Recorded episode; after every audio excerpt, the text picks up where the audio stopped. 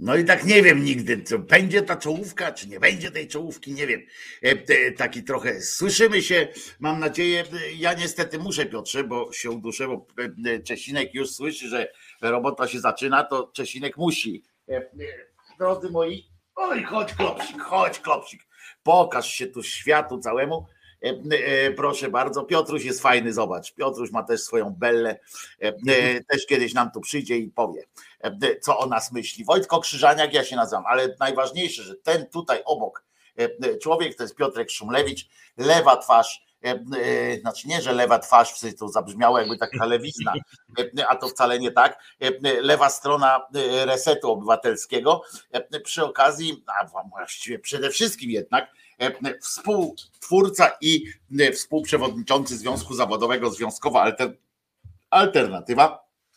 I co środę e, zamieniająca się ta alternatywa e, prowadzącego e, i w autora programu Czas na Związki, programu o związkach zawodowych, o działalności związków zawodowych i o kwestiach pracowniczych w środę o 17, pamiętajcie.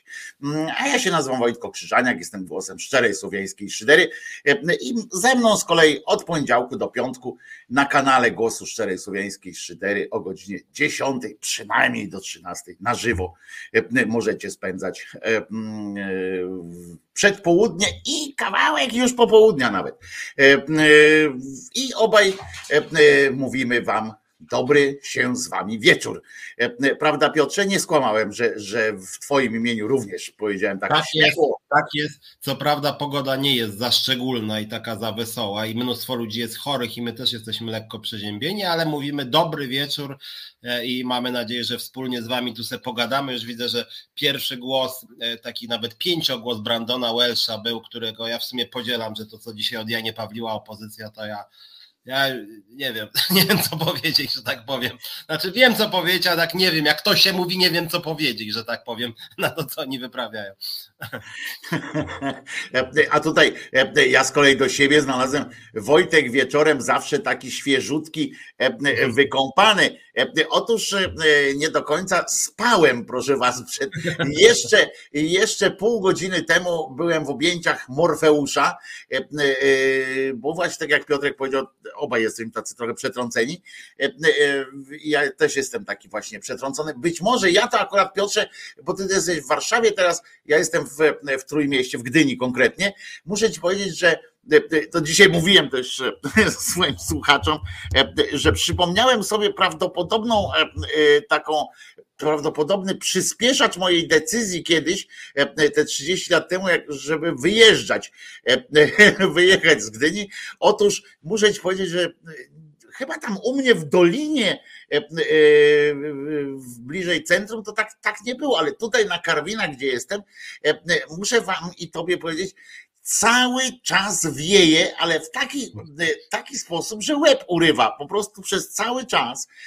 Znaczy, to będzie miało dobre strony latem, prawda? Jak będzie upał i oby tak było dalej, że będzie wiało, ale cały czas wieje tak, jak to się mówi, przynajmniej, że jak wieje, to tak jakby się ktoś powiesił, prawda? No to, tak, to tutaj wieje tak, jakby się gdynianie całymi rodzinami po prostu wieszali. Nie pojedynczo, tylko w ogóle po kilka osób naraz. Cały czas wieje nawet na balkon, jak na fajkę się idzie, to po prostu wiesz, trzeba zapalać papierosa tak jak, jak na takim wietrze. No nic, ale faktycznie dzieje się E, jest, e, było dzisiaj głosowanie.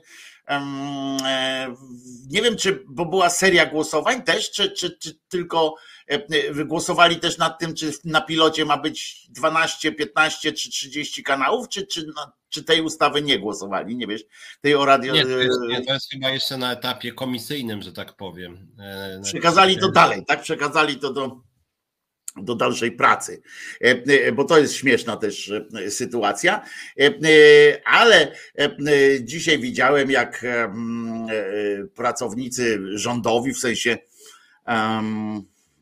ci posłowie tak zwanej koalicji i tak dalej, strasznie łajali tych nielicznych tam posłów opozycji, którzy y, bądź nie wzięli udziału w głosowaniu, bądź się wstrzymali od głosu, na przykład zostali strasznie łajani przez, przez tych przekaz w mediach rządowych, muszę wam powiedzieć, bo wiem, że nie oglądacie często mediów rządowych. Przekaz mediów rządowych jest taki, że właśnie ci posłowie opozycji, złodzieje, bandyci, w ogóle tam nie ten, oni narazili, prawda, ten kraj na wielomiliardowe straty i w ogóle ci nie liczy, mimo że to właśnie, mimo że to właśnie to moje, to moje, to moje po prostu nie, nie umiem wyłączyć, że to posłowie w sumie koalicji przecież prawie to odrzucili, ale to posłowie, ale naprawdę to, co się tam wydarzyło, znowu dali się wrobić w, moim zdaniem oczywiście, znowu dali się zrobić w, w szantaż i weszli. Nie, totalnie z terrorystami, weszli w układ z terrorystami i jeszcze na dodatek zapłacili im e, i e, tym terrorystom e, i to zapłacili terrorystom z góry. Nawet nie, nie otrzymali tak zwanego znaku życia, bo to czasami jest tak, że ci jak macie zapłacić terrorystom, to oni płacą, oni tam krzyczą znak życia, czyli palec mi wyślij, żeby zobaczyć, że w miarę świeży i tak dalej. A tutaj nic nie dostali, po prostu po prostu przynieśli pieniądze przynieśli wszystko i nie, ja, znaczy ja jednak nie rozumiem. Znaczy ja niestety z posłami i posłankami opozycji już trochę zaczyna być tak samo jak e, z TVP, znaczy jak chodzi o moją reakcję. Tak patrzę do TVP, no i mówię wam co pewien czas, tak patrzę po nie wiem, dwóch tygodniach i zawsze się łapię za głowę, ja pierniczę, jakie to straszne, nie? I zawsze mnie zaskakują na, swoją strasznością. I niestety z opozycją zaczyna być trochę podobnie, że tak opozycja od siedmiu lat, to znaczy odkąd PiS zdobył władzę, raz się dali złapać i tam mówi, niekonstytucyjna ustawa, niszczy Polskę, nie przyjmiemy, na billboardach pokażemy, po czym przychodzi do głosowania i głosują albo za, albo się wstrzymują. Mówię, ja pierdzielę, no jak jak można? Potem myślę, nie, teraz to już na pewno się w takie gówno nie wejdą, bo, no bo widzą, że leży to wielkie cuchnące gówno, jest znak, który tam prawnicy, konstytucjonaliści, na których oni ciągle się sami powołują, piszą, uważajcie gówno, jak wejdziecie, skompromitujecie się totalnie. Wiecie co, wchodzimy, wchodzimy! I wchodzi ich 90%.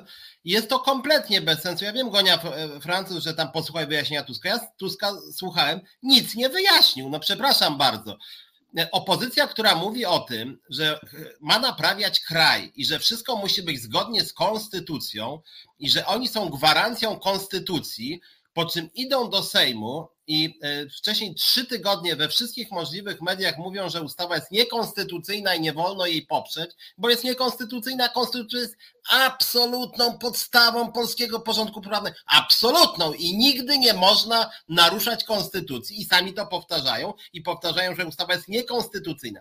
Zgłaszają poprawki, poprawki wszystkie PiS odrzuca, a oni mówią, no dobra, to tą przynajmniej przeforsują, a PiS nie. To przynajmniej tą. Nie to jeszcze taką malutką, a nie. I później, no dobra, to jak głosujecie? Dla dobra Polski zagłosujemy tak, żeby to jednak przeszło. No i do tego się sprowadza generalnie wystąpienie Tuska. Bardzo mi się jeszcze podobał później poseł Trela, ten, którego tak kochają też TVN czy Polsat. On zawsze tam się kręci chyba po tym Sejmie i czeka, aż ktoś z kamerą do niego podbiegnie, który napisał na Twitterze, że on głosował, no właśnie Gonia, chodzi o politykę, a nie o konstytucję. No to mi, to, to mi się właśnie nie podoba, bo słyszałem, że chodzi o konstytucję podobno. I Trela napisał, że co prawda teraz to tak wyszło, ale jak oni przejmą władzę, to już praworządność wprowadzą. Czyli krótko mówiąc, teraz im wolno łamać konstytucję. I dla mnie to jest coś zupełnie niesamowitego. Ten szantaż moralny PiSu, to co wielokrotnie mówimy, że oni się boją, że przyjdzie Klarenbach, tam jakiś kółeczek i będą zdrajcy, oszuści, niszczyciele Polski z Niemcem pod rękę i oni przez to głosują jakby za bublami prawnymi, niekonstytucyjnymi. Po raz kolejny, kurde. To jest coś, znaczy ja tego kompletnie nie rozumiem, jakby trzeba być konsekwentnym. Gdyby oni jeszcze od miesiąca mówili, no dobra, ustawa jest bublem, ale jakoś tam, no dobra, to poprzemy dla dobra Polski. No głupota, ale niech im będzie. A oni od miesiąca mówili, nie, ani nie oddamy skrawka ziemi, po czym oddali całą, cały kraj de facto, to znaczy zrezygnowali z konstytucji. I ja tego muszę powiedzieć, że ja wiem, że za każdym razem to mówię, bo tak na marginesie jedną rzecz, o której nie wiecie, wam powiem i pewnie ty też Wojtko. Mianowicie dzisiaj było też głosowanie nad pracą zdalną. Chciałoby się powiedzieć drobiazg w postaci z tym, co spotkało nas odnośnie KPO, bo to wielkie pieniądze. I z tym KPO to nie jest jakaś bulwersująca historia. Jest praca zdalna, to ja tam wam mówię o tym w środę o 17, o tych całych sprawach. I opozycja miała dosyć poważne wątpliwości wobec tej ustawy o pracy zdalnej. No mieli swoje własne uwagi. I znowuż było tak. Wnieśli do Senatu swoje ważne cztery duże poprawki. I PiS cztery poprawki. Po kolei głosuje opozycja. No dobra, to przynajmniej jedną przyjmiecie, tą. A rząd nie, tej nie przyjmiemy. No dobra, to tą dawajcie. Nie, tej też nie przejmiemy. To przynajmniej tą. Tej też nie. No dobra, jak nie, no to nie. Wszyscy głosowali za z opozycji, wszyscy za, chociaż cztery ważne poprawki, które już w komisjach sejmowych PiS uwalał jedną za drugą i za. I to jest jakaś głupia strategia bycia jakimś recenzentem ustaw rządowych, Zamiast po prostu coś się nie podoba, głosuje się przeciw. Ja nie wiem, czy to jest takie trudne, kurde? Jeszcze to jest trudne, bo oni, na, bo oni, Piotrze, tak jak słusznie zdiagnozowałeś, oni się cały czas, oni cały czas głosują, e, e, bo Gonia tu właśnie pisze, że, e, że trzeba jak się da i w ogóle taki jest też głos, czytałem na Twitterze, właśnie tyle trzeba dostać, wziąć ile się da, uratować i potem jesienią już zaczniemy naprawdę, teraz tyle się, tyle się zdobędziemy, ile się wiesz, ile się uda tam nagarnąć ale się traci ryj przy okazji. Rozumiecie? E, e, oni, bo tak naprawdę, e, jak nie wiem, ile, ile osób z Was wie o co chodzi w tej ustawie, która teraz została przyjęta. Otóż ja ją przeczytałem nic nie zmienia e, tak naprawdę ta ustawa. To są zmiany nazw, jakieś przeniesienie kompetencji z jednego do drugiego. E, e, nie ma tam nic o, przy, o przywróceniu sędziów, nie ma tam nic o, o weryfikacji sędziów, tych neosędziów, czy tam coś. Nie ma nic o KRS-ie, że jest, że jest. To jest po prostu jakiś taki, taki humbug, bo, bo, bo tam jest trochę z każdej z tych ustaw tam trochę ruszone, że, że niby coś zrobione, jakiś taki kroczek, ale to naprawdę nie zmienia e, diametralnie tej sytuacji, w jakiej jesteśmy. I faktycznie, tak jak Piotrek powiedział, najśmieszniejsze w tym wszystkim było to, że oni odłożyli łyżkę po prostu e, e, przy tym wszystkim. Oni powiedzieli, nas tu nie ma i, i, i można z nami zrobić wszystko kichnąć gdzie chce, także nie przejmuj się. E, e, można zrobić z nami wszystko, a to było widać właśnie przy tych e, pracach komisji, o których wam mówiłem wcześniej, jak to wyglądało że już tam na komisji po prostu PiS pokazywał, jak głęboko ma ich w dupie. Tam ta e, Gasiuk Piechowicz e, e, dwoiła się, troiła, opowiadała jakoś w środku nocy, jakieś całe tyrady prawne tam robiła, nikt tego, nawet od nich tego nie słuchał już.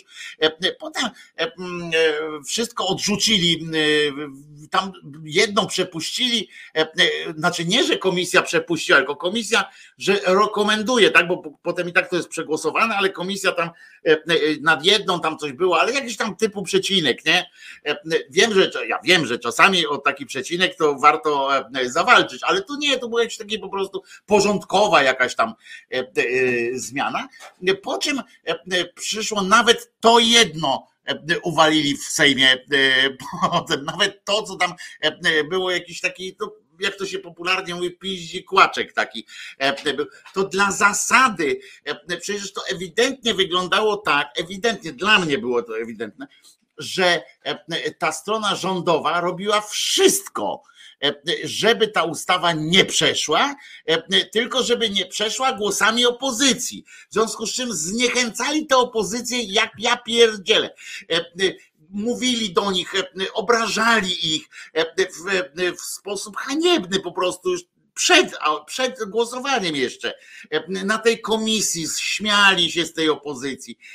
Potem wyzywali ich od tam to, że Ziobro ich od Niemców tam wyzywał, bo teraz jest nowe pojęcie, tak kolaborant niemiecki.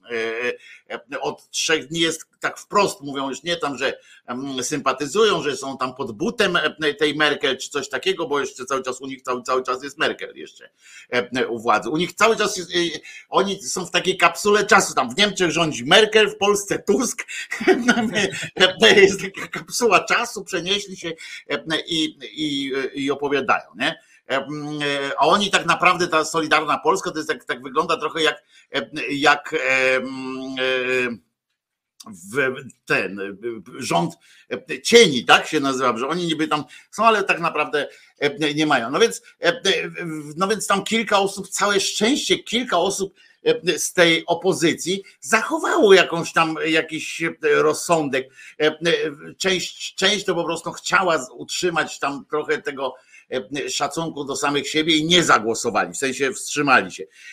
Część podniosła tę rękę przeciw E, e, byli też tacy. No ale, e, ale no ludzie, tam się naprawdę od, odpieprzyło coś, to co Tusk mówił potem, co tutaj czytam, że wyjaśnienia Tuska, to dla mnie to nie są żadne też wyjaśnienia, tu się zgadzam z Piotrkiem, żadne wyjaśnienia takie, że musimy wziąć ile nam się tam uda i tak dalej, coś tam. No nie, kurde, na takim się nie wygrywa. Nigdy się, tak jak się traci twarz, oni, jedyna szansa, jedyne szczęście dla tej opozycji jest takie, że te wybory nie będą za tydzień, za dwa czy za trzy. Bo tak, teraz tak. jestem przekonany, jeżeli, jeżeli jest inaczej, bo to nie jest tak, że ja wiadomo, że ja jest, siedzę w, w głowach, tak jak ja nie jestem brązowy język karnowski, nie będę się wypowiadał, Polacy wiedzą, co tam. Być może Polacy są już tak po prostu e, e, naprawdę w dupie, że, że dla nich jest okej okay. kolaboracja tam z, e, z PiSem i że tam się weźmiemy trzy jabłka, dwa oddamy, ale, ale mamy jedno jabłko, przynajmniej jesteśmy zadowoleni. Co prawda do, do więzienia pójdziemy razem z nimi, bo to myśmy ukradli te jabłka, oni dostaną mniejszy wyrok, chociaż oni mają dwa jabłka, dostaną mniejszy wyrok, tylko za paserkę, a my dostaniemy za. Ale być może społeczeństwo już tak, już tak jest, tak jest ogłupiałe przez te 7 lat, że, że może tak jest. No nie wiem, e, e, czy tak nie jest. E, są też są też tacy, którzy uważają, że, że to jest element gry jakiejś. Ja w to nie wchodzę. W sensie ja w to nie wierzę, że można z pisem e, grać w ten sposób, że e, razem z nimi coś, e, coś dla Polski nie, no zrobić, zwłaszcza jeśli chodzi o jakąś praworządność, jakieś tego typu rzeczy. I będę se tak pieprzył, jak mówi Jacek Siwiec. Właśnie, ale tutaj widzę, że ze cztery czy pięć osób na tym forum nas krytykuje, że my ośmielamy się ruszać opozycję. Czyli co wy uważacie, że droga do zwycięstwa opozycji jest taka, żeby sobie spijać z dzióbków i bezkrytycznie mówić, ale wspaniałe głosowanie, ale rewelacyjne wystąpienie Kosiniaka Kamysza, ale zaorał Tusk. No wydaje mi się, że może wtedy będziemy się uśmiechać szeroko, ale generalnie nie jest to zbyt przekonujące dla większości społeczeństwa. Ja nie wiem, jaka tu się gra, że tak powiem, za tym kryje.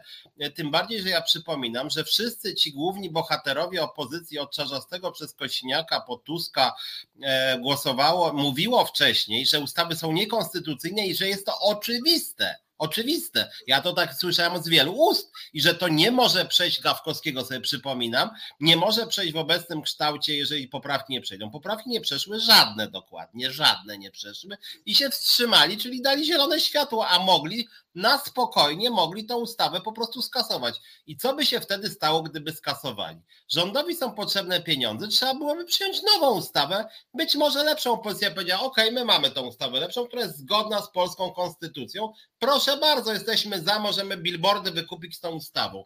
No i niestety opozycja dała totalnie ciała. No przepraszam bardzo, jeżeli oni mówią konstytucja, a po czym wstrzymują się od głosu nad ustawą, którą sami uważają za niekonstytucyjną, to ja szczerze powiedziawszy nie kumam o co chodzi. Moim zdaniem naprawdę dają się rozgrywać. Natomiast jedna uwaga śmieszna, jak chodzi też o TVP i też o przekaz PiSu, bo w sumie opozycja się wstrzymała prawie cała, a Ziobro był przeciw i nikt nie rusza Ziobry z TVP. Morawiecki dziękuję Ziobrze za konstruktywną rozmowę.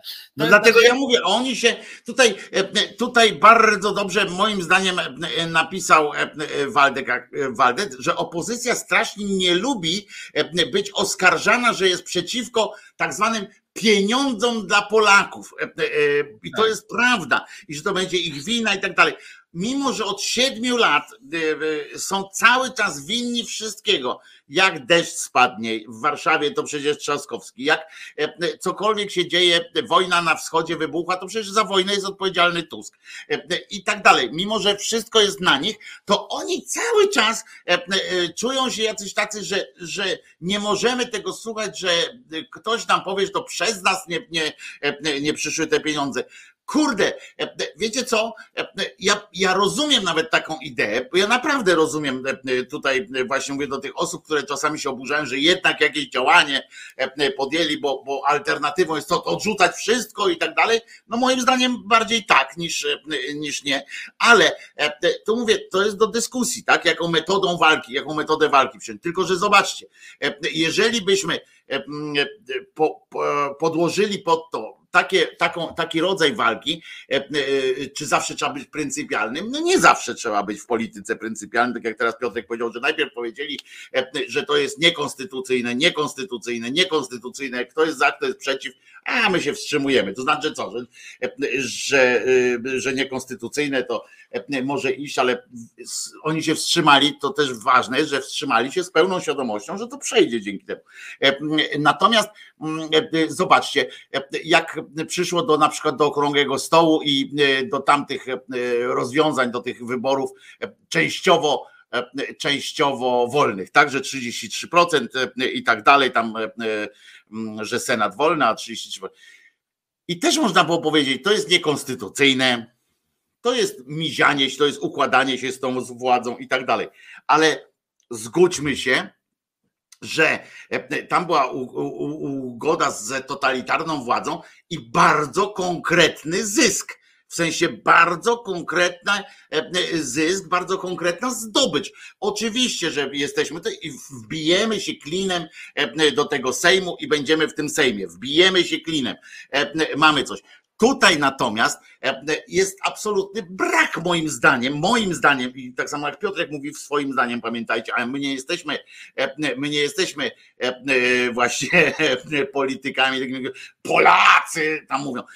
Każdy nas mówi na swoją intuicję. I ja uważam, że tutaj właśnie nie, nie, było tego, e, nie było tego miejsca, o które, było, e, o które można było tym głosowaniem zawalczyć. Niczego e, tak teraz nie wygrywają, bo wyobrażacie sobie taką sytuację, że że na przykład ci posłowie tam, czy posłanki, parlamentarzyści i parlamentarzystki opozycji wyjdą teraz i powiedzą, no dzięki nam e, coś, e, coś się wydarzy, tam te pieniądze ruszą. Po pierwsze nie, bo jednakowoż wstrzymali się od głosu. W związku z czym druga strona im może powiedzieć, a wy byliście za? No nie byliście za. Więc co się podpisujecie pod tymi pieniędzmi? E, co, co, co wam nagle takie coś? No nie byliście za. No tak, nie byliśmy. Potem powiedzą, że to jest nasz projekt. Waszej tam nawet jednej poprawki nie ma waszej. O co chodzi? Prawda? Więc się też nie można. Po drugie, nie sprzeci... z drugiej strony my możemy powiedzieć im z kolei, ludzie, wyście w majestacie nie sprzeciwiliście się kolejnej próbie łamania prawa. Znaczy łamania prawa próbą e, łamania prawa, tak? W sensie, że, e, że już po, po których e, wychodzicie na ludzi bez honoru po prostu. No albo przestańcie tak gadać, bo to jest to, o czym myśmy tydzień temu rozmawiali, że niestety polityka jest taka cogodzinna, tak? W sensie, że w każdej godzinie trzeba się czymś wykazywać w tej polityce, w każdej godzinie, bo te testy są cały czas robione. I w związku z czym oni najpierw nakrzyczeli, e, właśnie, żeby e, punktować na tych e, sondażach co godzinę, więc oni krzyczeli tam jeden przez drugiego głośniej, że skandal, skandal, skandal, skandal, nie ma na to naszej zgody i tak dalej, żeby być poważanym jako, jako ci tacy dzielni ludzie, dostawali te swoje punkty i E, i, e, i coś tam wiesz, i, że tam rośnie i rośnie, że są poważani, że są poważnie traktowani. Po czym e, przychodzi to do czego, jaka godzina tam, że w końcu trzeba, no to no, myślą, że nikt nie zauważy, że o co chodzi, albo że, że wyjdą i powiedzą właśnie to słynne takie polskie bardzo, że, w, że co prawda tam się uginamy, ale dla dobra Polaków, którzy tamten, że, że ktoś będzie to szanował potem.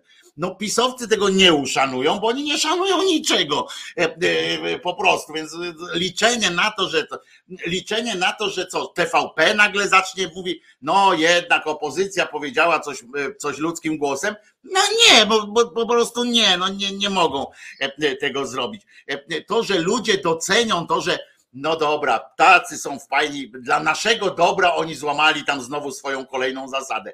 No nie, bo, e, bo oczywiście będzie jakaś część, która powie, no dobrze, coś przynajmniej coś robią, tak? Przynajmniej coś, e, coś e, robią. Tyle, że, tyle, że ja cały czas nie jestem pewien, czy to warto. Przypomnijcie sobie właśnie wtedy, jak, bo to jest grube porównanie, tak? Bo to nie, nie jesteśmy teraz w takim momencie, to, to głosowanie nie było też o to.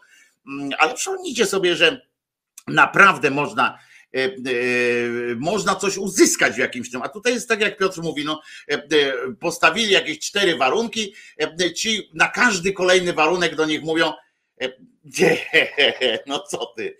I to jeszcze z takim śmiechem, z taką, wiecie, z takim wyzywającą na dodatek jeszcze oni to robili. Bo ten Terlecki wychodził, mówi, nie, no ludzie. Kurwa, no przecież on się naprawdę z nich śmiał jeszcze przed głosowaniem. E, e, I, a oni, no, no, no co zrobimy? No, e, no to tak nie będzie tak jak ten, w tych psach, nie? No to co będę tak tu sam siedział, nie? No to się wstrzymajmy, no i tak nic nie wygrali. A na końcu jeszcze z tego wszystkiego wyjdzie o tyle poruta, że i tak to nie ruszy żadnego KPO. E, e, bo ta, e, to oni tam mówią, że to było pisane pod, pod dyktando Brukseli, ale to jest po pierwsze jeden z dziesięciu tysięcy kamyczków tych milowych, to jest jeden tam z jakichś w ogóle astronomicznych tych, a po drugie, po drugie, no, no i tak nic nie, nie, nie wypełnia. A po trzecie, jakby opozycja mówi, że przepuści coś przez Senat i w Senacie to naprawi, to pokażcie mi jedną, e, chyba jedna była jakaś taka ustawa, co coś tam zrobili i nie udało się Sejmowi jej odrzucić tych senackich e, poprawek, ale tam naprawdę to nie była jakaś ustrojowa rzecz. E, natomiast tu wyobraźcie sobie teraz Senat, który dzielnie opracuje serię poprawek do, do, do, do tego, do tej ustawy i Sejm nie rozumiem tego argumentu z tym Senatem, który poprawi, bo ja nie wiem, czy wy wiecie, jak wygląda technicznie głosowanie. To idzie teraz do Senatu. Senat wnosi e, poprawki. Te dokładnie te same poprawki pewnie wniosą, które opozycja zgłaszała w Sejmie. I te poprawki, z tego co pamiętam, były dosyć słuszne, chociaż nie rozumiem, dlaczego opozycja nie mogła własnej ustawy po prostu wnieść i głosować przeciwko tej. I teraz to wygląda tak, że te na przykład cztery tam były główne poprawki, idą z powrotem do Sejmu i Sejm głosuje nad każdą poprawką oddzielnie. Były już głosowania w komisji, gdzie tak jak mówiłeś, tam Terecki, ha, ha, debile, wymyślicie, że przejdzie, a ti, ti, ti, ti, ti, ci przejdzie chyba koło nosa pszczoła. No i generalnie rzecz biorąc, przejdzie to do Sejmu i co? I będą głosować w Sejmie nad poprawkami i, i tak, PiS będzie wiadomo przeciwko, bo śmieje im się w twarz. Konfederacja jakby jest w ogóle przeciwko, bo to dla nich to w ogóle jest plucie w twarz przyjęcie czegokolwiek, no też głosować przeciwko. Solidarna Polska oczywiście będzie przeciwko poprawkom opozycji. W związku z tym jest absolutnie pewne, że żadna poprawka nie przejdzie, więc ja nie wiem, czy chodzi o jakieś jakieś, nie wiem, czyjeś tutaj ego pana Grockiego, który powie, no, Senat stanął na wysokości zadania, co prawda nic z tego nie wyniknie, ale za to stanął na wysokości zadania. No, ale tu się zgodzę, poczekaj Piotrze, bo tu się zgodzę, że czasami, e, e, czasami e, sam gest jest ważny i to prawda. że oni staną, czasami jest ważny, że właśnie bym wolał na przykład i takim gestem, który też by niczego nie wniósł, byłoby jakby teraz głosowali przeciw na przykład, prawda? Czy coś takiego. Też nie niewiele, bo, bo nie zależy od tego, czy ta ustawa przejdzie, czy nie przejdzie. Nie, tylko ja ci mówię, żeby, żeby, bo to żeby było to jasne dla, dla osób, które też nas oglądają. Jeżeli e, poprawki przepadną w Sejmie, to już nie będzie głosowania nad całością ustawy, bo nie głosuje się drugi raz nad tą samą ustawą głosuje się nad poprawkami. Nie będzie głosowania reasumpcji, że tak powiem, i że się będzie można wykazać. Nie. Właśnie oni ją tylko teraz mogli odrzucić i tego nie zrobili świadomie, dając zielone światło. Tak jak ja bym negocjował z pracodawcą w imieniu związku i bym mówił, dobra, podwyżka o 600 zł, pracodawca 0, ja mówię 500, 0, 400, 0, 300 zł, ja mówię za 50 zł. Nie, panie Piotrze, spadaj pan. No dobra, niech będzie. No, jeszcze podpisujecie tam chuć. Tak, jeszcze nie podpisuję. Jeszcze bierzesz ten długi ołówek jak Wałęsa i podpisujesz tam ten, że 0 zł podwyżki. Zrobiłem to dla dobra moich pracowników, moich związkowców. Przynajmniej firma będzie trwała, no tak. przynajmniej udało mi się wynegocjować, że ich nie wyrzuci. A mogli pobić. Tak. Nie, no to jest prawda. A pytanie, e, mm, e, co moim zdaniem powinien zrobić Senat? Ja nie wiem, co powinien zrobić Senat. Senat. E, mm, weto Senatu głosuje się zwykłą większością, także od razu mówię, jeżeli nie, bo, bo tutaj napisał Jarek Świec, napisał weto Senatu głosuje się większością. Wszystko głosuje się większością, tylko części głosuje większością kwalifikowaną, w sensie tam 3 piąte, 2 trzecie, 7 jedenastych i tak dalej, wszystko jest podzielone. E, e, weto Senatu e, głosuje się normalną większością 50 plus 1, także przy kworum. Także nie ma, nie ma tutaj żadnego problemu wielkiego, żeby to nie przeszło, prawda? Zablokować mogą. To jest taki pad w sensie taki, że jak opozycja sama tego przegłosować nie może, ale rząd też nie. I tak takie wiecie moim zdaniem, moim zdaniem był to, było to strzelenie w, i to właśnie najgorsze jest to, że oni się roztłukli o, ta, o taką ścianę, która która właściwie jest o nic, nie? na której nie ma ani symbolicznego jakiegoś to nie było gdzie, że oni gdzieś tam tym rejtanem się położyli, faktycznie e, e, po prostu powiedzieli, że kurczę, no nie, bo będzie wojna, czy, czy coś tam, e, rozumiesz, coś takiego. Nie, tylko po prostu dali się znowu rozprowadzić, jak takie dzieci. Być może, ja nie wiem z jakiego powodu, ale to jest też dla nich nauczka, bo ja nie chcę, żebyśmy, żeby to też wyglądało tak, że my po nich jeździmy jak po dzikiej świni, bez sensu ale dla nich to powinna być kolejna, nie, no nie wiem, być może no im więcej nauki, tym lepiej, tak? Ale może kolejna nauczka powinna być e, na przyszłość, że po prostu z, z pisem się nie wchodzi w grę żadną. E, nie można, to jest pierwsza nauka, a druga, żeby jednak powściągać słowa e, w tym takim codziennej polityce, bo jeżeli Piotrek słusznie zauważa, że oni przez kilka dni, od czasu jak tam się okazało, że ta ustawa jednak będzie celebrowana, e, e, e, ta prowadzona, bo przecież przez jakiś czas pamiętajcie, że ona nagle straciła autora przecież w pewnym momencie, że nikt nie wiadomo, kto, nikt się do niej przyznać nie chciał, że to ją wykonuje. To żeby powściągnęli, żeby myśleli dwa ruchy do przodu, żeby się z, sami z siebie pomyśleli sobie coś takiego, być może będziemy musieli za tym głosować, więc chodzi o to, żebyśmy nie połknęli własnego języka, po prostu.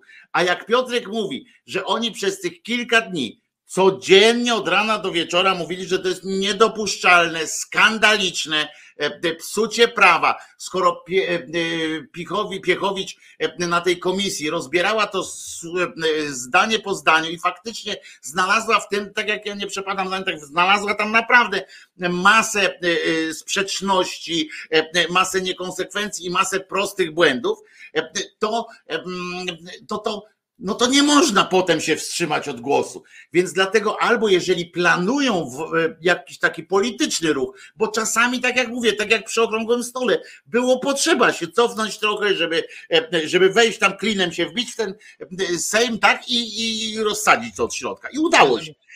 A tutaj, jeżeli wiedzą, że będzie taka okoliczność, że będzie trzeba się jakoś miziać, to niech albo będą jak PiS, i niech mówią wprost. Będziemy, damy im szansę, niech mówią po prostu, e, dobrze, nie robimy tego dla, e, dla siebie, nie, nie będziemy nic mówili, że to jest mądre i tak dalej, tylko niech idą dalej, niech zostaną pieniądze.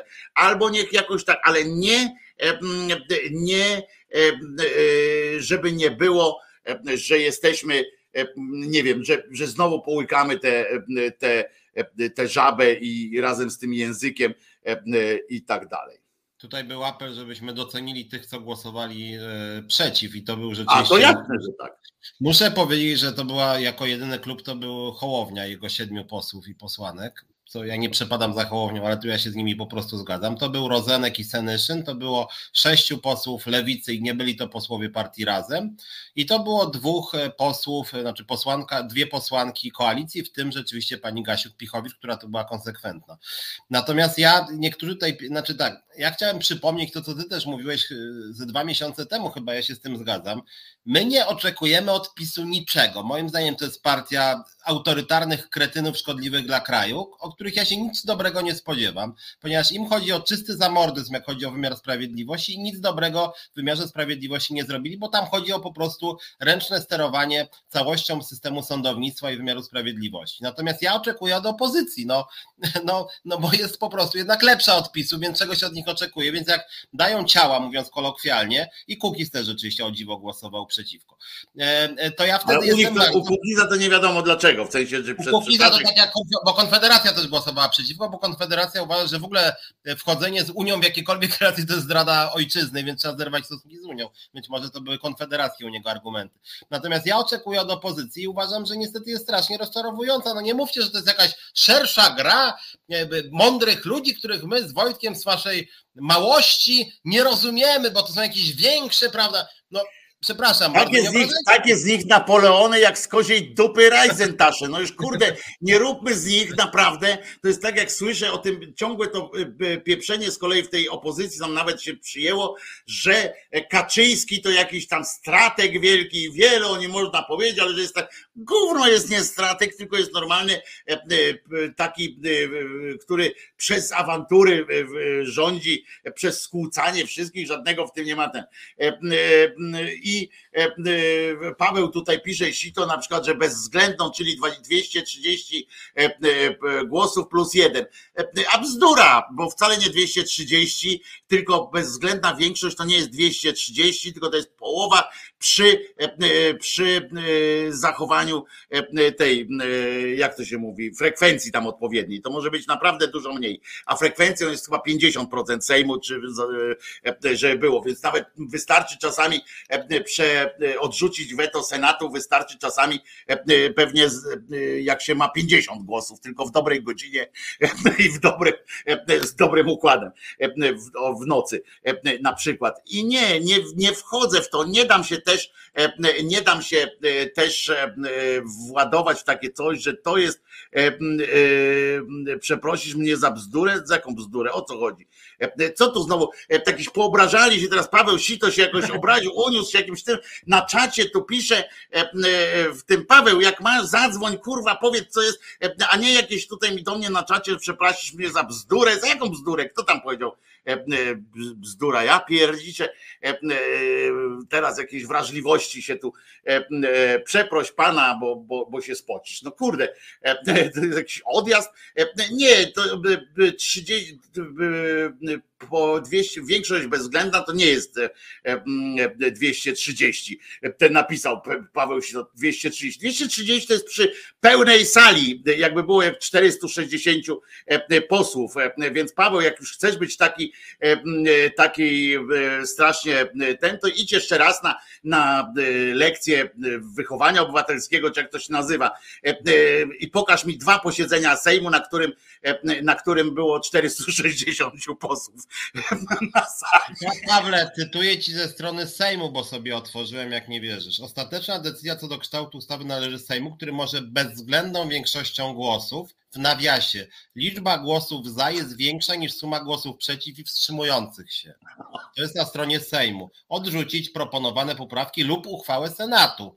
To jest cytat, w związku z tym nie musi być żadne 231. No więc oczywiście, że nie. Prostu, tylko ma być rzeczywiście większość. I, I, ja o tym mówię, że dali się jakby totalnie rozegrać, bo, bo tutaj będzie e, po prostu no, odrzucenie tak jak było już odrzucenie na poziomie Sejmu, no więc jakby to omówiliśmy, więc nie chcemy do tego wracać. My trochę porozmawiamy, nawet my nie mówimy nawet o strategii. Poza tym ja nie, tu nie widzę żadnej strategii. Jakiej strategii? Piotrze, jakiej strategii? No na litość.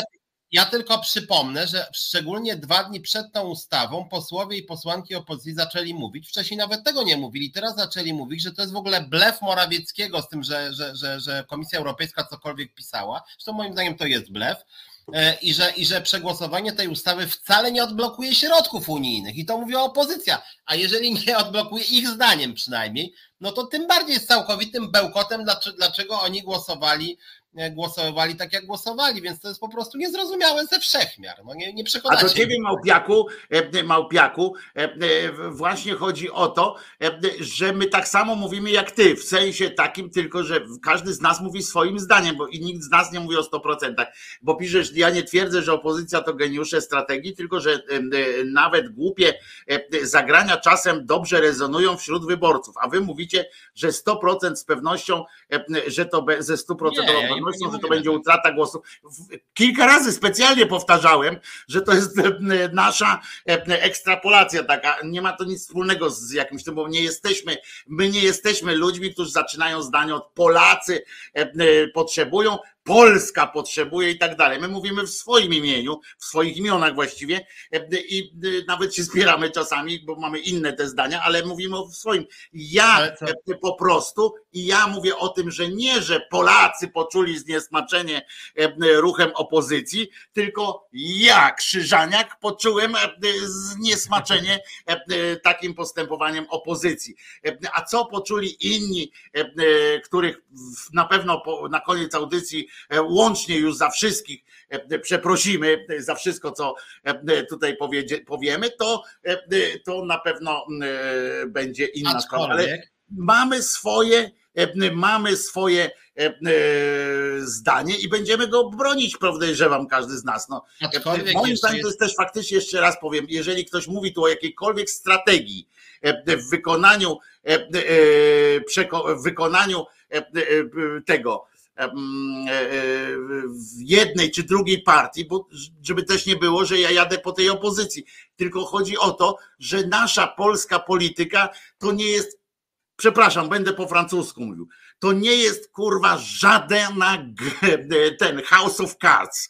E, to jest po prostu e, napindolka na poziomie e, gminnym, na poziomie jakimś takiej, takiej no, no naprawdę, jeżeli ktoś zaczyna w tym szukać jakiejś takiej, przepraszam Piotrze, że tak długo mówię, ale chodzi mi o to wyjaśnienie, wiesz, tego, że jeżeli ktoś się tu doszukuje jakichś meandrów, jakichś tam podchodów, że gdzieś tam usiedli, ktoś z kim koniak wypił, przeflancował kogoś tam na, na to głosowanie specjalnie, ponieważ wspólnie chodźcie, oszukamy, tam zrobimy Komisji Europejskiej, żeby ją zmusić, coś tam. To nie, no to no ludzie, to mówię z pełną e, e, taką swoją, e, na swoje oczywiście odpowiedzialność, ale jestem pewien, że nie ma takich, takich akcji. Więcej maestrii, więcej kurczę jakiejś takiej mm, gry, to już jest naprawdę w wojnie gangów było w Polsce, że oni się tam przenikają. To jest po prostu takie, takie hamidło u wujka na urodzinach, to na tej zasadzie to jest takie podszczypywanie się wzajemne. W ogóle nie ma w tym, w tym, w tym niczego nie, ja, niczego dobrego. A co, a, a co do poparcia, to ja muszę powiedzieć, nie wiem. Aczkolwiek wątpię, żeby opozycja zyskała jakieś poparcie za to, że najpierw mówi, że ustawa jest niekonstytucyjna, a później ustawie daje zielone światło. No. E, to jest jedna sprawa. A druga sprawa, w pewnym momencie PiS, PiS zyskał moim zdaniem. Ja to czasem mówię, bo tego badania nie pokazują. W momencie, kiedy PiS rozwalał nawet Trybunał Konstytucyjny, poparcie dla tej ustawy było małe, rzędu 25%, z tego 25-30, 70 przeciwko, ale część osób powiedziała, o, mają jaja, bo są konsekwentni. Konsekwentni. Wbrew pozorom to jest wartość, którą część ludzi szanuje i w sumie się trochę nie dziwię. No. Wiesz, jaka to jest część? Sorry, ale ci konsekwentni to mi się już zawsze będą kojarzyli z Korwinem Mikke, nie? którzy zawsze no byli tak, konsekwentni. Tak na poziomie 1,5% głosów, ale zawsze byli konsekwentni. Nie, ale, ale rzeczywiście, bo, bo w przypadku PiSu w przypadku PiSu nie chodzi tylko o konsekwencje, ale o sprawczość. Oni są sprawczy, mówią i robią faktycznie. A opozycja mówi, no dobra, to robicie, no nie, nie wiem.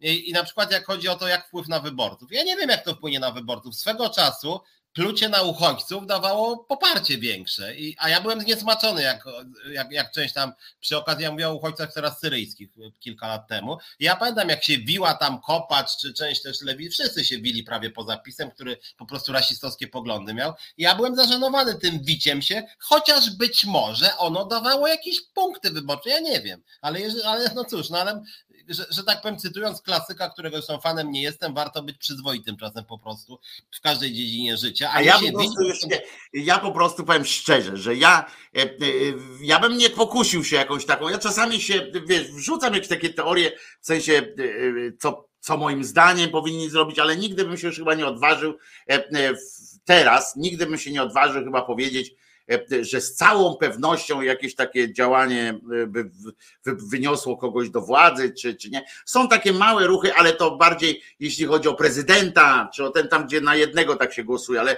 e, żeby jakąś partię wyprowadzić teraz, tak żeby powiedzieć, która, czy, czy lepiej by było, żeby oni poparli, czy lepiej, żeby się wstrzymali, czy lepiej, żeby wyjęli te, te karty, bo przypominam, bo tu ktoś napisał, że ten Macierewicz się wstrzymał, Macierewicz się nie wstrzymał, Macierewicz nie głosował. E, to jest jeszcze inna kategoria, bo to wpływa z kolei na e, kworum, e, jeżeli, bo wtedy ktoś nie jest, nie jest nie wpisuje się właśnie w ten, w ten obszar większości, ani mniejszości, ten podział wtedy może być po prostu mniej. E, e, zdarzały się takie sytuacje w Sejmie, że siedziało 450 posłów, a głosowało w ogóle, brało udział w głosowaniu 300 na przykład osób. 100 osób nie włożył, wyjęło swoje karty i tak jakby ich nie było w Sejmie. To powinno być karalne moim zdaniem od razu powiem, to powinno być karalne. Nie ma czegoś takiego, nie wziął udziału w głosowaniu. To moim zdaniem, ale to już inna zupełnie kwestia, to kiedyś tam e, powiedzmy. A taka e, tutaj ktoś proponuje spiskową teorię, e, taką na przykład, że PO zagłosowała za, bo taką szpilę dostali z Brukseli. Coś tam Reinder z komisji dawał znaki, żeby przegłosować. No nie, oni nie głosowali za, bo gdyby chociaż zagłosowali za, E, to ja bym, e, ja bym, widzicie, tłumaczenie Tuska byłoby dużo bardziej zrozumiałe, jak oni by zagłosowali za. By powiedzieli tak, robimy to z pełną świadomością. E, tak jak mówię przy okrągłym stole, na przykład godzili się na jakieś rzeczy typu lista krajowa, na, na to, że PZPR miał zagwarantowane coś tam. Przecież to nie jest demokratyczne, tak? Jak przy stole się decyduje, że ci dostaną 30%, ci dostaną 70%. Ale jednak się godzi chodzili, zagłosowali za, prawda? I jeżeli mm, byłoby coś takiego, że Tusk by wyszedł i powiedział tak, słuchajcie, okej, okay, umawiamy się tak, dajemy tym cymbałom szansę. E, e, obiecali, że nam te pieniądze załatwią dla Polski. Dobrze, niech załatwiają. E, ta ustawa bardziej już nie skrzywdzi, bo to jest też prawda, że ta ustawa bardziej nie, nie, nie skrzywdzi wymiaru sprawiedliwości. Ona nawet w pewnych momentach tam wyprostowuje pewne rzeczy. W związku z czym mówi tak, dobra, to my zagłosujemy za, ponieważ, ale żebyście wiedzieli, tu napiszemy taką tabliczkę, podpiszemy się wszyscy, którzy głosują, żebyście wszyscy pamiętali, głosujemy za, ale nie za tą ustawą jako taką, że będziemy ją zmieniać, że to będzie wchodziła w skład tych pakietu zmian na pierwsze 100 dni, ale że ona nie przeszkadza bardziej, to my zagłosujemy za, żeby Europie dać znać, mhm. że jesteśmy zdeterminowani po te pieniądze. I powiem wam tak, że ja na, na taki głos bym zareagował pewnie dużo pozytywniej, jakby było wyjaśnione, jak chłop krowie na rowie.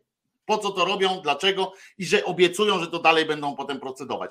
Niż jak mi się ktoś wstrzymuje, e, że niby przepy, takie, takie przepychanie kolanem, że niby patrzyłem tutaj, e, że chodzę i opowiadam wszędzie, że, e, że jak bardzo, e, że jak, jak, jak Jolka dołączy do tej klasy, jak dopuszczą, żeby Jolka do, do, doszła, doszła do tej klasy, to jest koniec, nie? To jest koniec z tą szkołą, koniec szkoły i tak dalej. Po czym Jolka wchodzi, a wszyscy udają, że jej nie widzą. No to, to nie jest dobre. I o tym mówimy chyba wspólnie z Piotrem. Myślę, że, że o to nam chodzi. Gdyby, gdyby ten Tusk wyszedł powiedział jasno, zleciłem, zaleciłem posłom, żeby głosowali za, ponieważ e, e, ta ustawa nie psuje bardziej tego, co jest, a w przyszłości i tak będziemy ją musieli e, zlikwidować i tak dalej. Ale jeżeli za to mamy naprawić tam jedną małą rzecz, plus przybliżyć pieniądze z KPO, to jest warto. Ja być może bym powiedział, no trudno, no głupio mi z tym, ale no być może jest warto. No. A oni przez, tak jak Piotr mówi, przez dwa tygodnie napindalali, że to jest w ogóle, że przyjęcie tej ustawy to jest, to jest dopust jakiś tam Boży, nie?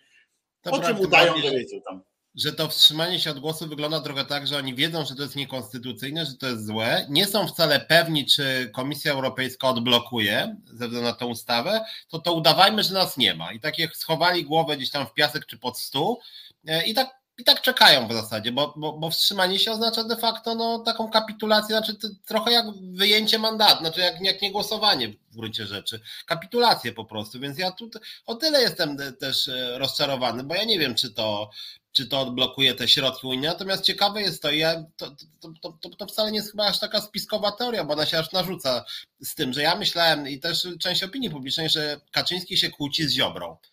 A to wygląda trochę tak, że oni tak naprawdę mają jakiś taki, być może nawet plan wyborczy, że Ziobro zagospodarowuje elektorat antyunijny i chce ograć Konfederację, w związku z tym głosuje tak jak Konfederacja. E, e, Morawiecki mówi, że w zasadzie jest bardzo konstruktywny i strasznie mu dziękuję za to. TVP w ogóle nie krytykuje Ziobry w ogóle, co najwyżej 10 posłów opozycji, którzy byli przeciwko. No i mamy rzeczywiście, że PiS w tym momencie jest, obejmuje i ten elektorat tam E, względnie umiarkowany i taki elektorat ziobrowski. Będą z jednej listy, Ziobro tam zdobędzie z siódmego miejsca nawet 50 tysięcy głosów, takich, takich właśnie no, ludzi bardzo antyunijnych. I, I rzeczywiście ich, i potem też ich ogrywają, że mają jakiś pomysł swój, mają swoje prawe skrzydło lewe. Dla nas to jest w ogóle jakiś absurd, bo to wygląda jakby była jakaś wojna w obrębie PiSu, bo jedni robią prawie że dyscyplinę, żeby głosować za, drudzy e, mają dyscyplinę, żeby głosować przeciwko, ale wygrywają na tym w sumie, no bo jest jakaś Bożeno, e, Pani Bożeno, bo Pani tu zacytowała Tuska, zdecydowaliśmy się zagłosować za odblokowaniem europejskich pieniędzy i za ustawą, która jest zła i być może niekonstytucyjna, e, ale obiektywnie jest lepsza niż e, ziobrowe status quo. No i właśnie, gdyby, gdybyż Tusk ogłosił to, E, e, wcześniej i gdyby z tym hasłem do tej ustawy podchodzono, podchodzono i byłoby dużo lepiej niż przez dwa tygodnie nakrzyczeć, że za cholerę tego nie przyjmiemy. E, bo ja chcę powiedzieć, że, że jeszcze wczoraj w programie Moniki Olenik pani prominentna posłanka Platformy Obywatelskiej krzyczała, że za cholerę takiego czegoś nie da się po, po prostu, nie podpiszemy się pod tym. I a teraz on mówi, że zagłosowaliśmy za odblokowaniem, żeby to było takie proste, że zagłosowali za odblokowaniem, to może by było, gdyby, gdyby naprawdę było tak, pani Bożenko, Bożeno, przepraszam, pani Bożeno, żeby to było tak, że to głosowanie spowoduje, że od jutra, czy od za dwa tygodnie, czy gdzie tam przy, zaczną być odblokowywane te pieniądze, to pewnie by też było inaczej, jakbyśmy myśleli o tym. E, bo te pieniądze naprawdę są naszej gospodarce potrzebne i naszym społeczeństwu. W związku z czym też byśmy może myśleli, kurde, no może warto, może się skundlić trochę, ale, e, ale przynajmniej e, naprawdę, że, że ludziom będzie trochę lżej po prostu.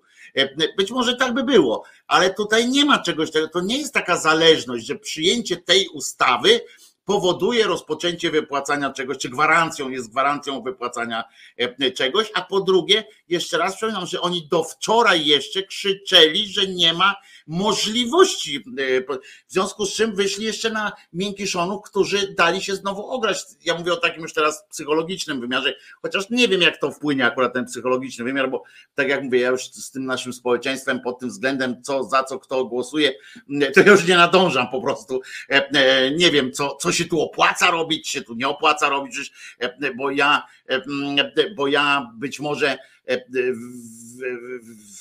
wcześniej nie wiem, ja, ja, ja mówię, no ja nie wiem, czy, bo gdyby, ja mam takie wrażenie, przecież gdyby tu było jakieś, gdyby tu było jakieś e, zasady obowiązywały w tym normalnie, w tym społeczeństwie też jakieś podejścia do polityki, no to PiS by nie wygrywał, tak? Bo, bo, bo, bo jest nieprzyzwoity po prostu. E, więc, więc kryterium przyzwoitości też nie jest tu decydującym, jak rozumiem, e, w tym. W związku z czym też nie, pewnie nie powinien, pewnie nie jest tak, że, że, to, że to uczciwość Platformy Obywatelskiej czy innych posłów opozycji, lewicy czy coś tam będzie determinantą w przyszłych wyborach.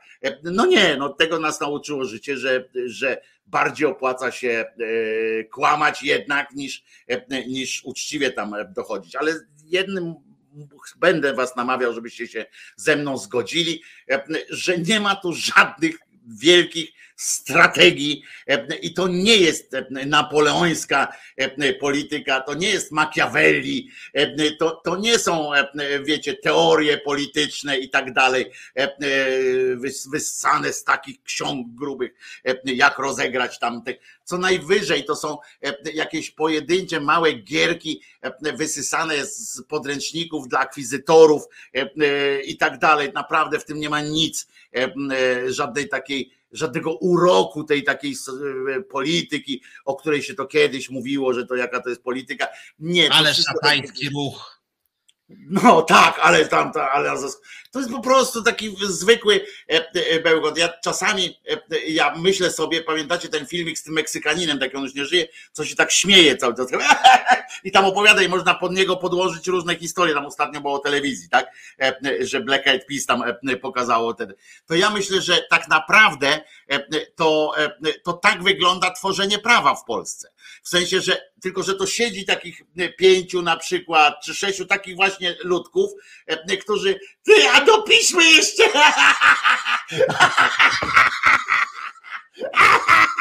A potem, ty, ale serio, poczekaj, naprawdę. Dopiszmy takie coś będzie.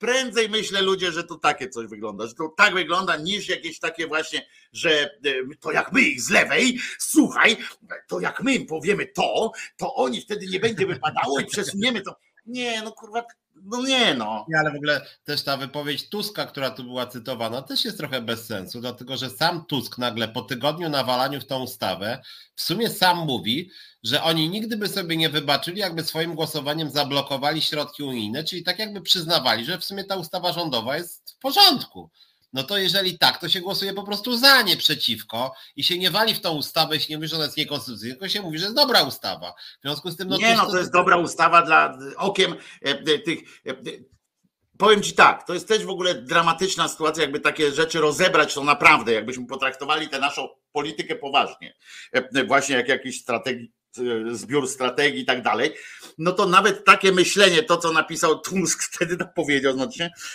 to faktycznie tak jak mówisz, to by z tego wynikało, że że on też chce zrobić Unię Europejską, w instytucję Unii Europejskiej, bo pamiętajmy, nie mówmy właśnie, bo w skrócie, bo to też jest język jest ważny.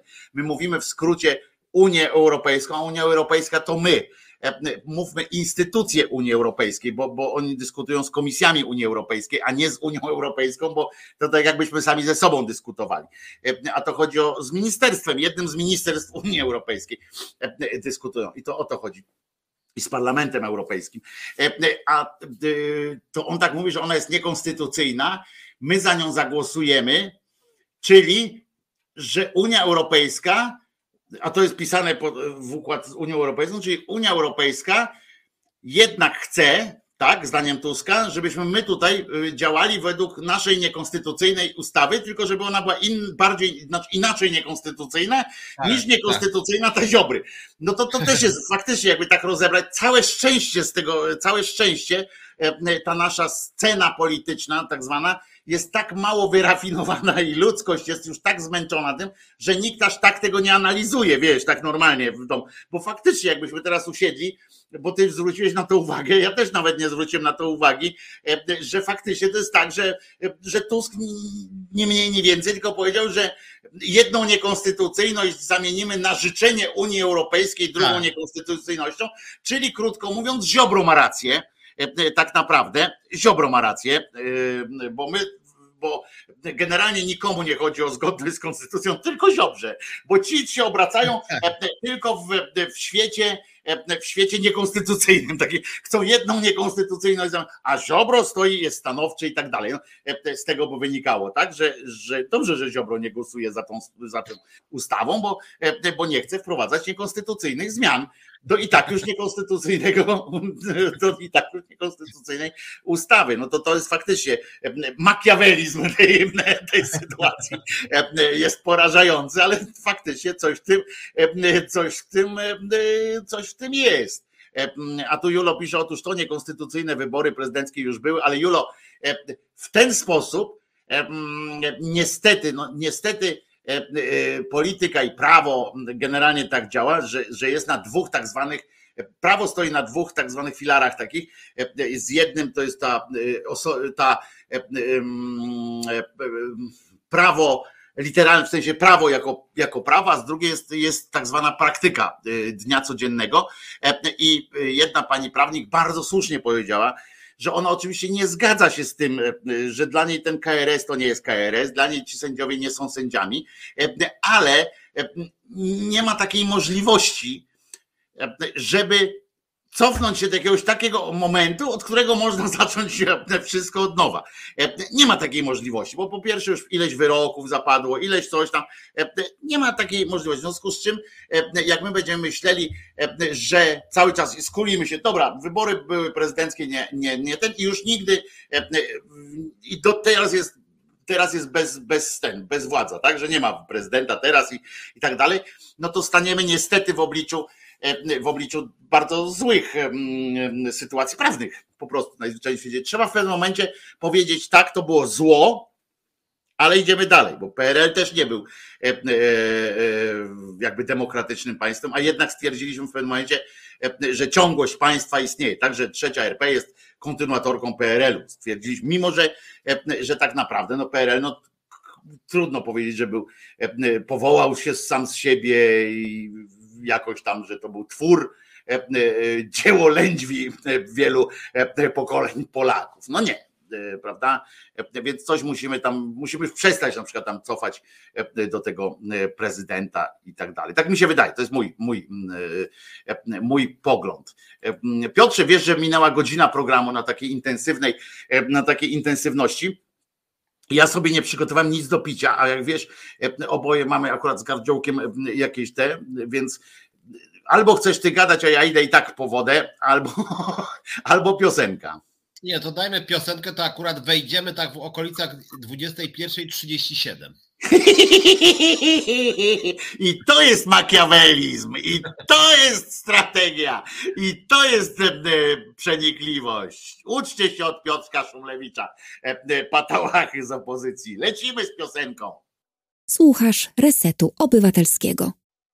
No i jesteśmy. Myślałem, że będzie znowu, że będzie zajawka. Nie, weszliśmy w 21.37 faktycznie.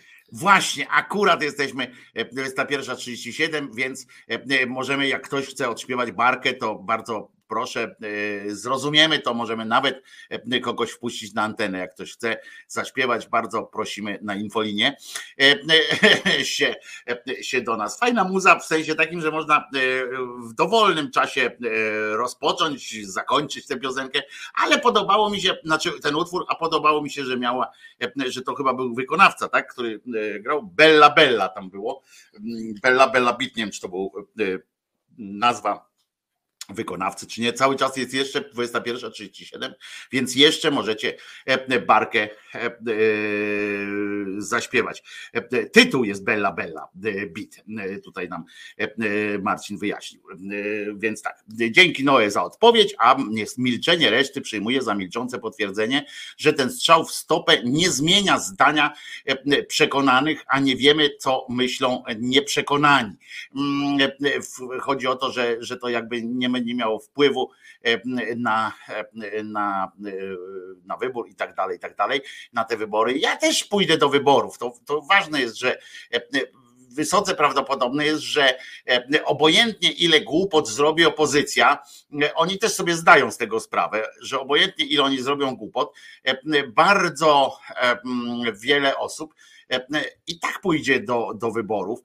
Z tym, że ja akurat mam taką obawę, że taka niekonsekwencja e, pewnych osób może, może zniechęcić część ludzi do głosowania, ale to jest moja intuicja, to ja nie mam na, te, no, na to żadnych badań. Ja myślę, żadnego. Bo u mnie to jest oczywiście intuicja w tym sensie, że nie mam badań, bo też w Polsce badania są dosyć powierzchowne, te badania sondażowe. Natomiast z drugiej strony no okej, okay, mam wrażenie, powiem tak, ale wrażenie na podstawie dość szerokiej obserwacji, że duża część polskiego społeczeństwa uważa, że rząd jest beznadziejny, ale opozycja w zasadzie nie istnieje i że jeszcze jeden pogląd, wszyscy oni tak naprawdę są tak samo beznadziejni. E, około 50% Polaków nie głosuje, czy 45%. I rzeczywiście myślę, że takie sytuacje jak dzisiejsza sprawia, że może to umocnić tych zniechęconych do polityki, no, że, to, że, że to jest jeden układ, no to jest rozpowszechnione w polskim społeczeństwie. Jedna szajka, że im tylko stołki chodzi. No jak rzeczywiście słyszy się od polityków, no dobra, w sumie to niekonstytucyjne, ale ale to jest polityka, nie? I później wy, wy mali to nie rozumiecie, czym jest polityka. No, w świecie niepolitycznym, wy sobie w domu to możecie bronić konstytucji, ale w świecie polityki to wy, żuczki, tu nie do końca pojmujecie, że czasem... My tu mamy, prowadzimy, my tu prowadzimy grę, e, bo to jest zawsze, my tu prowadzimy grę, prawda? Oni wtedy mówią, a wy nie, nie, e, nie, nie wiecie, e, nie wiecie na czym polega E, e, gra. I to mi to też, ja mam też taką, jeszcze raz e, muszę powiedzieć, mam taką intuicję, bo jeszcze raz powtarzam, ani Piotrek, ani ja nie mamy żadnych badań na to, żadnych, ja nie chcę się posłużyć przykładem na przy, przykładem na przykład, przykładem choćby z, nie wiem, z autobusu, czy z tramwaju, czy z, z kolejki, w której stoję gdzieś tam, na co ludzie narzekają, bo, bo, bo, bo, no bo to, to, są właśnie takie pogadywania, tak jakbyście wyszli e, e, przekonani z obiadu u mamy, prawda, z obiadu u mamy, tam gdzie spotkaliście się z siostrą i ze szwagrem, e, wyjdziecie i będziecie przekonani, że właśnie odbyliście debatę polityczną z całą próbką narodu. No nie, więc, więc każdy z nas się posługuje swoimi wyobrażeniami, swoimi. Ja tylko powiem, bo to jest pytanie, ja nie wydałem nowej książki, tylko jest dodruk mojej pierwszej książki Niezbędnik ateisty z roku 2010, bo książki się sprzedało ponad 10 tysięcy egzemplarzy i wydawnictwo postanowiło zrobić dodruk i nową umowę ze mną podpisać i o tym napisałem. I to są moje wywiady z różnymi ateistami. E, jeden. Mnie tam nie ma. Ciebie tam nie ma, tam są różni jacyś tam ludzie, tam jest Kev, tam jest Napieralski, to znaczy przeczytajcie, no tam jest 17 e, wywiadów, tam z Teplicem jeszcze jeden z ostatnich wywiadów przed jego śmiercią zrobił. No w każdym bądź razie bardzo mnie rozbawił tam wywiad z Napieralskim, rozbawił mnie w tym sensie, kiedyś chyba o tym wspominałem, bo młody ówcześny Napieralski, 2000 E, e, zaraz, dziesiąty rok, jeśli dobrze pamiętam, tak? Młody ówczesny Napieralski w wywiadzie ze mną pierwsze pytanie, Na czy wiesz... czas SLD tak, czy wierzy pan w Boga? On nie jestem ateistą, tak się bodaj zaczyna ten mój wywiad z nim. I tydzień po wydaniu książki trafił do Moniki Oleni, gdzie ona zadała pytanie, czy wierzy pan w Boga, pan nieprzewodniczący? A on, yy, no, mm, wierzy pan czy nie wierzy? No nie, wie, nie wierzy pan? No wierzę. Aha. Więc jakby, e, potem tak sobie pomyślałem, że w momencie, kiedy on tak w ten sposób odpowiedział, pomyślałem, czy to jest jakby chciałoby się powiedzieć spełniony świat, w którym religia nie ma absolutnie żadnego znaczenia i wierzysz lub nie wierzysz w zależności od okoliczności, czyli właściwie to, co my jako wybitnie świeckie osoby obydwaj, w pewnym sensie chciałoby się powiedzieć jest czymś w sumie pozytywnym, bo to jest taka religia jako taka zupełnie taka, że tak powiem, chłodna, taka lekka cecha, gdzie tak po prostu, dobra, wierzę, ale w sumie jak to wierzysz? No dobra, to nie wierzę, nie?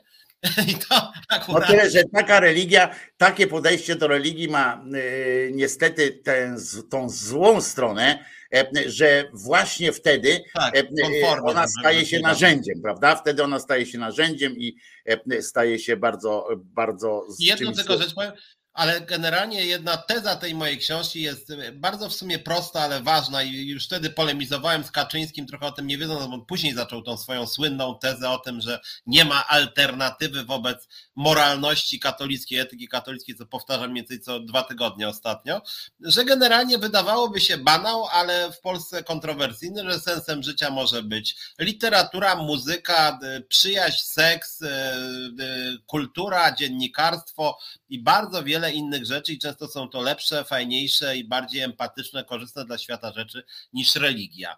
co jak mówię w Polsce jest rzeczą kontrowersyjną, ale tak jest. Pytanie Gonia pisze, e, e, e, czy pytanie o wiarę nie jest zbyt intymne i to jest jedna z tych rzeczy, z którymi ja się fundamentalnie nie zgadzam, bo że właśnie, żeby traktować to jako jakieś pytanie intymne, że to należy do ciebie i tak dalej.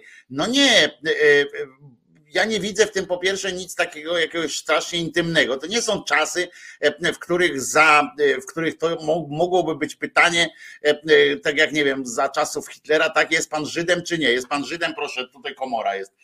Nie jest pan Żydem, proszę, tu po stronie aryjskiej.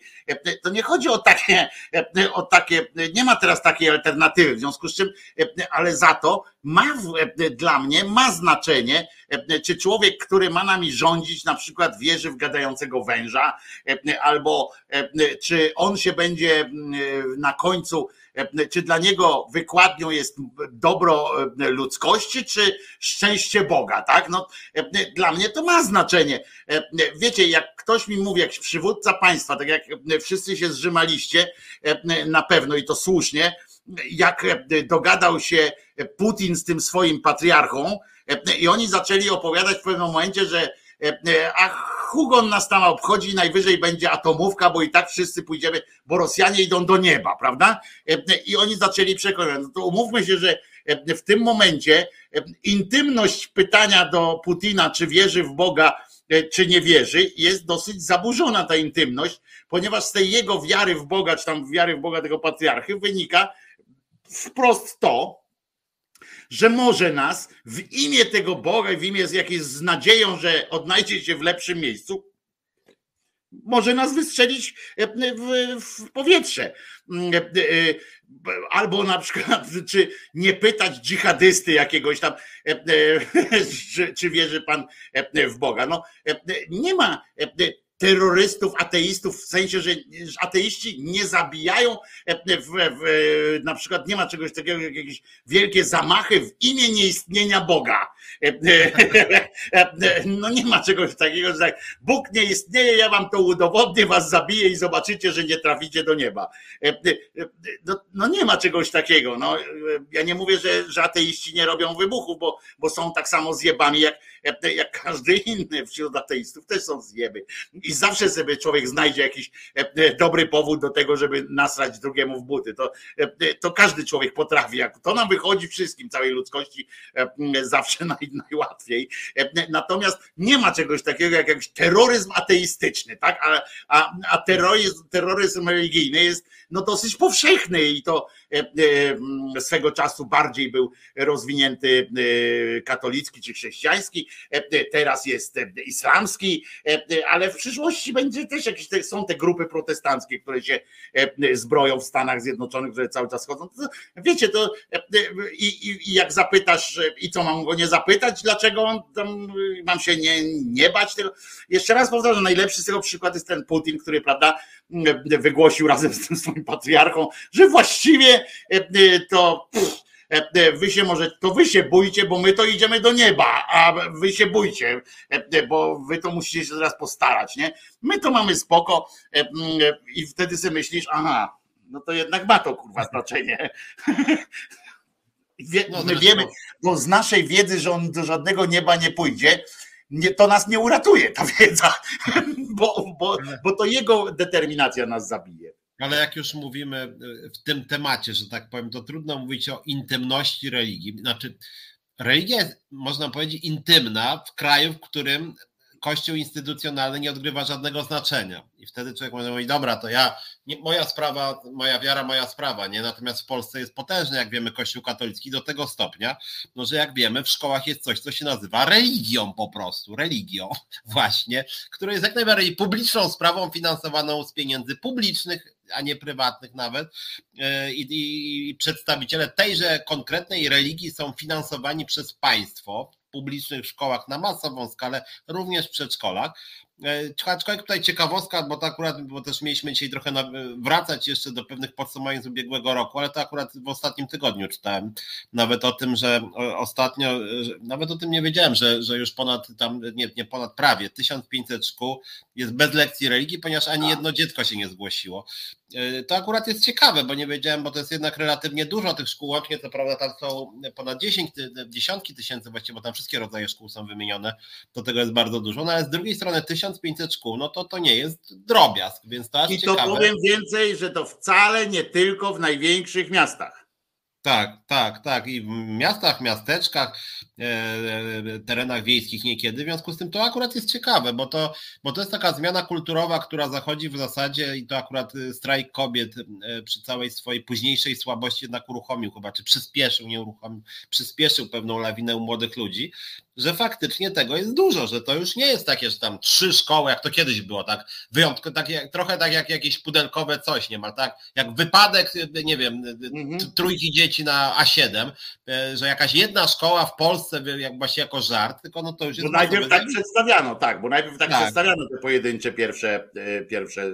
Tak, a teraz to już jest zjawisko rzeczywiście i to akurat jest ciekawe, zresztą w ogóle to jest jakiś fenomen, który mimo wszystko trochę mnie dziwi, ja to mogę socjologicznie rozumieć, ale trochę to mnie dziwi, że mamy ten straszny rząd od siedmiu lat, no taki histerycznie narodowo-katolicki, już tak dają jeszcze fory tym ryzykom jędraszewskim i w ogóle w tej, w Polsacie tam szaco, tam ciągle w TVP bez przerwy ta propaganda, Kaczyński ciągle, że nie ma alternatywy wobec moralności katolickiej, a jednak te procesy laicyzacji zachodzą dosyć szybko, tak niezależnie od władzy, bo wydaje mi się, że gdyby jakaś platforma rządziła, nie wiem, z Hołownią czy z Lewicą, to nie byłyby chyba jakieś szybsze te procesy laicyzacji. Znaczy trudno, nie, nie da się tego zbadać, więc nawet jak. No nie, no ale tutaj chyba myślę, że o tyle masz rację, że wchodzą te, e, te prawa sprężynek, tak? Prawa sprężynek tu myślę wchodzą, e, że akcja, wiesz, powoduje mocniejszą reakcję i e, ludzie są jakoś przekorni do pewnego momentu, do jakiegoś w pewnym stanie,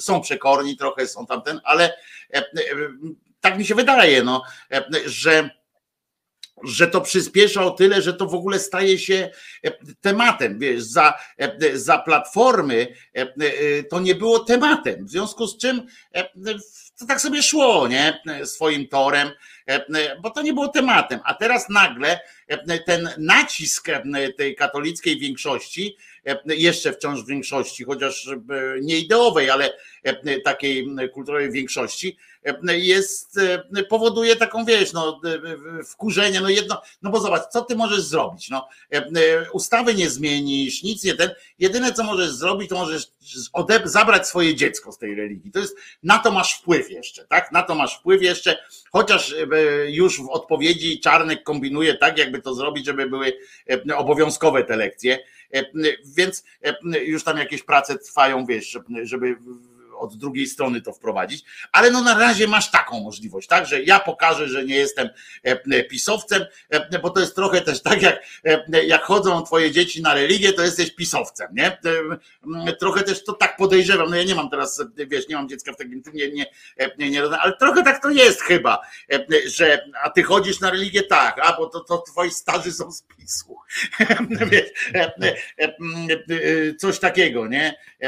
Myślę w tej przekorze, ale wiesz, z drugiej strony też o tym, jakie to jest obskuranstwo, jakie to jest zaprzaństwo, ta, ta straszna ta e, e, religiostwo, no to choćby to świadczy o tym i o tym nawet nie mówią ci e, ci światli, tacy antykościelni ludzie, którzy którzy jednakowoż tam cały czas decydują się, że Boga wielbią i tak dalej, ale w swoim w swój w swój sposób. E, I na przykład posłowie e, e, Platformy, którzy wyschodzą na, jak tutaj Gonia pytała nas, czy to jest intymny temat, no to posłowie Platformy jeden po drugim prawie wychodzili na mównicę, jak tam była tam jakaś debata o, o, o tym, o aborcji, czy coś tam wychodzili i jeden przez drugiego zaczynał jako Polak i katolik, nie? I cała masa ich tam była, w związku z czym dla nich to nie było zbyt intymne, jak, jak się spodziewam. Natomiast chcę wam przypomnieć wszystkim, że lekcje, które się nazywają lekcje, niestety się tak nazywają, to nie są zajęcia, to nie są lekcje, tylko zajęcia, się nazywają religia to jest uzurpatorstwo, nie? E, bo to jest jedna z religii, bo tam, e, tam po prostu uczą e, katolickiego katechizmu, a nie żadnej religii jako takiej. To po prostu powinien być, jeżeli już mają taki przedmiot, to on się powinien nazywać religia katolicka albo katechizm katolic, kościoła katolickiego. Tak się powinny nazywać te zajęcia, jeżeli już w ogóle, ale na to nawet Związek Nauczycielstwa Polskiego nie zwraca uwagi, ponieważ tak się u nas w naszym kręgu kulturowym e, e, przyjęło, że e, jak mówi się religia, to się, to się automatycznie bierze chrześcijaństwo, już nawet, bo tam się przyjmuje, że tam są jeszcze te augsburskie, reformowane i tak dalej, ale generalnie jest to chrześcijaństwo, prawda? Religia. E, e, że jest jedna. I to też niestety czyni wodę z mózgu ludziom, e, bo od młodości całe szczęście, bo my jest, jesteśmy wynikiem takiej właśnie takiej indoktrynacji kulturowej, że myśmy sobie przez wiele czasu, jakbyście sobie tak przypomnieli, to my przez wiele czasu nie zdawaliśmy sobie sprawy nawet w swoim życiu, że są inne religie. Nie wiedzieliśmy. Dla nas religia, dla nas Bóg od urodzenia to był ten Bóg, który tam siedzi na niebiesie i który e, e, tam, no ten z brodą taki wiecie, ten charakterystyczny taki, co krzaki pali. E, I tak naprawdę to nas różni, no to, to było to było coś złego, no po prostu. Natomiast jak już mówimy o szkole, bo też wracam trochę do podsumowania roku, to właściwie ubiegłego. W ubiegłym roku wyszła między innymi słynna książka do hitu, tak zwany hit. I i, I, ten hit. Jeden z większych hitów ubiegłego roku, tak. Tak, jeden z największych hitów, chociaż trochę o nim ucichło rzeczywiście. Ja jestem ciekaw w ogóle, jak ten hit funkcjonuje, bo pamiętam, były takie dane, jak to było najgłośniej wokół tej e, sławetnej pracy, no wyjątkowo głupie, jak wiecie, tam tych, to, to, wcale nie były tylko te trzy cytaty, tam szczególnie to in vitro, co się rozeszło, bo to całość była idiotyczna, to był właśnie cytat na cytacie, więc to jakby chyba faktycznie jeden z najgłupszych podręczników historii Polski. E, I tam były jakieś... książek, ja bym to nawet powiedział, że w ogóle książek. Nie, nie ograniczałbym tego tylko do podręczników. tak, i tam były takie dane i właśnie ciekaw jestem, jak to jest dzisiaj bo, bo wtedy faktycznie, że ponoć większość szkół tego nie chciała w ogóle, nie chciała z tego korzystać. No i ciekaw jestem, czy rzeczywiście, bo, bo jakby odmowa czegoś za, za, zalecanego przez władzę, no jest pewną jednak odwagą, szczególnie w takich kręgach, gdzie tam przyjdzie czasem właśnie przedstawiciel ministerstwa albo właśnie ktoś tam lokalny wyznawca PiS, mówi, no gdzie jest ta książka, nie? I jak powiesz jako nauczyciel czy dyrektor, nie, nie, nie ma, bo to bzdury są, nie? No to jakby wymaga pewnego nonkonformizmu, który no nie jest w Polsce jakąś cnotą najbardziej powszechną, że tak powiem. Więc, więc ciekaw jestem właśnie, jak to, bo oni pamiętam zrobili taki myk z tym hitem e, e, Pisiory i pan Czarnek, że w momencie, kiedy szkoły się obraziły, to oni chcąc podbić trochę, zrobić z tego bestseller, to na pocztę wrzucili na każdą placówkę poczty, żeby można było kupić i wyeksponować, że no proszę, sprzedało się 15 tysięcy egzemplarzy, w związku z tym tak czy inaczej wielki sukces. Więc ja Przepraszam, ciekaw... wtrącę tylko, że wczoraj byłem na poczcie polskiej i nie było tej książki. A, nie było jednak. Ale wczoraj, ale tylko na jednej, ja, żeby znowu nie było, że ja już powiedziałem, że e, na żadnej poczcie w Polsce nie ma. Ja powiem jednej, na Karwinach w Gdyni, na poczcie nie było tej książki. Być może no wiem, że... Gdynianie rzucili się jak szczerbaci na sucharkę. Bo rzeczywiście tu Stella pisze, że jest drugi podręcznik, z tego co wiem, faktycznie jakoś strasznie późno, ale jednak go dopuścili. Ja go nie czytałem, ale on chyba nie jest, znaczy chyba jest dużo lepszy. To znaczy tak bardziej neutralny, chyba pewnie jakiś tam postępowy, ale bardziej neutralny. Natomiast rekomendacja ze strony rządu szła bardzo silna, bo no bo były już takie historie w polskiej, e, historii polskiego szkolnictwa, kiedy jeszcze pan Giertych tam różne dziwne rzeczy robił i w ogóle nie mieliśmy szczęścia do tych ministrów edukacji, kiedy na przykład był jakiś atak na te, zaraz to na Gumisie, bo były takie rzeczy, z których śmiała się Warszawa. Nie na Gumisie, tylko na Teletubisie. Teletubisie, tak. Teletubisie. Ten z torebką, ten z torebką. Napisałem ten jeden, tak. jeden ze swoich najlepszych felietonów, jakie napisałem, to właśnie po, e, po akcji, jak pani minister tam zaczęła na te teletubisie e, utyskać, zrobiłem, e, napisałem felieton taki po, prze, prze, przeglądowy po tej gay propagandzie kreskówkowej w Polsce, te, te wszystkie bolki z lolkiem i tak dalej napisałem taki fajny, podoba mi się, do dziś mi się podoba ten tekst, a rzadko, mało mi się moich tekstów podoba tak długo. Bo ja się wtedy, bo ja wtedy pamiętam się przestraszyłem, że to jest tak, że myśmy się, no ja nawet byłem częścią, jakby jestem częścią tego środowiska, myśmy się wtedy śmiali z tego, że takie głupoty wciskają, że to aż po prostu wszyscy się rechoczą i pewnie część się rechocze. No, nawet się... piosenkę zrobił e, e, o tych teletubisiach. Tak, tak, faktycznie, tak. Ale z drugiej strony to czasem, czasem niestety działa tak, że jakby to powiedzieć, szeroko rozumiana tam Warszawka czy środowiska postępowe się śmieją, a tymczasem na dole to jednak robi propagandową robotę. E, ja się trochę tego bałem, tak samo dlatego jestem ciekaw, to trudno jest zbadać z tym. No tak, tam Kitty, Potter, Teletubbies, no dużo mieli tych akcji, tam te wszystkie panie nowe. Nie, Kitty i Potter e, to były kwestie diabelskie, e, tak. żeby było jasne. Nie mieszajmy systemów, tak? Teletubiś z, z torebką to był homo nie wiadomo, był rozgejowany, LGBT. Nie mieszajmy systemów. Hello Kitty i Harry Potter to są kwestie satanizmu. Nie mieszajmy tego. To prawda, tak, to prawda. No więc, więc właśnie jestem ciekaw, jak, jak tego typu zagrywki działają na poziomie właśnie szkolnictwa, no bo też ten rok ubiegły i zresztą obecny też, ja muszę powiedzieć, że każdorazowo jak słucham ministra Czarnka, to niektórzy mi zarzucają, że właśnie te moje odpowiedzi takie są czasem obraźliwe, że ja tak czasem stam skrótów, to, to tam, żeby, żeby mieć dużo lajków i tak dalej, ale ja muszę powiedzieć, że jak chodzi o ministra Czarnka, to ja nie jestem w stanie o nim pisać na serio, że tak powiem. Znaczy, bo jeszcze Morawiecki kłamczuk straszny, no ale on czasem jednak tam o tym bezrobociu, tam PKB, no można przynajmniej mówić, dobra, panie premierze, bądźmy precyzyjni, tu pan powiedział trzy rzeczy, ja się nie zgadzam i pan oszukał w dwóch, dwóch z tych trzech rzeczy. A Czarnek jest, jakby to powiedzieć, mówiąc kolokwialnie, po prostu głupi. To tak, jakby każda jego wypowiedź jest taka boleśnie głupia. Znaczy, że trudno z tym człowiekiem. Nie zgodzę się z tobą, Piotrze.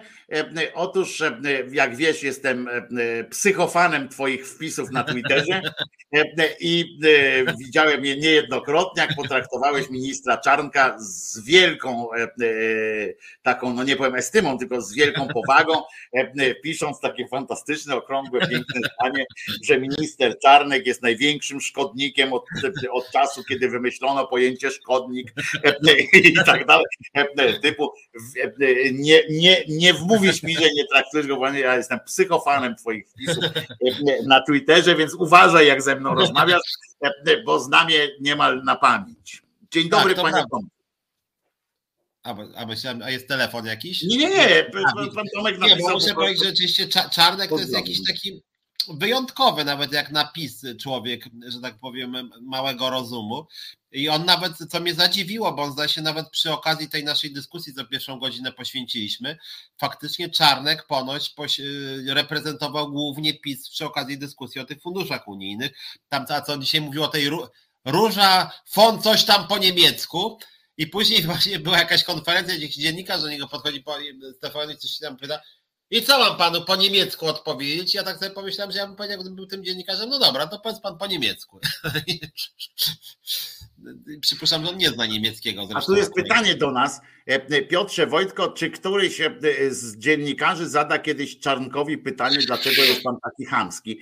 E, a ja ci Piotrze powiem, a niby dlaczego, nie? Znaczy, wszyscy wiemy, dlaczego jest taki chamski, no bo jest hamem, no to pytać, pytać, wiesz, no to tak jakby podejść do karła, zapytać, dlaczego jest pan taki niski, no bo jestem karłem, no albo do koszykarza, dlaczego jest pan taki wysoki, no bo urosłem, no to, to, to są tego typu rozmowy, a poza tym, poza tym nie, nie widzę jakby powodu.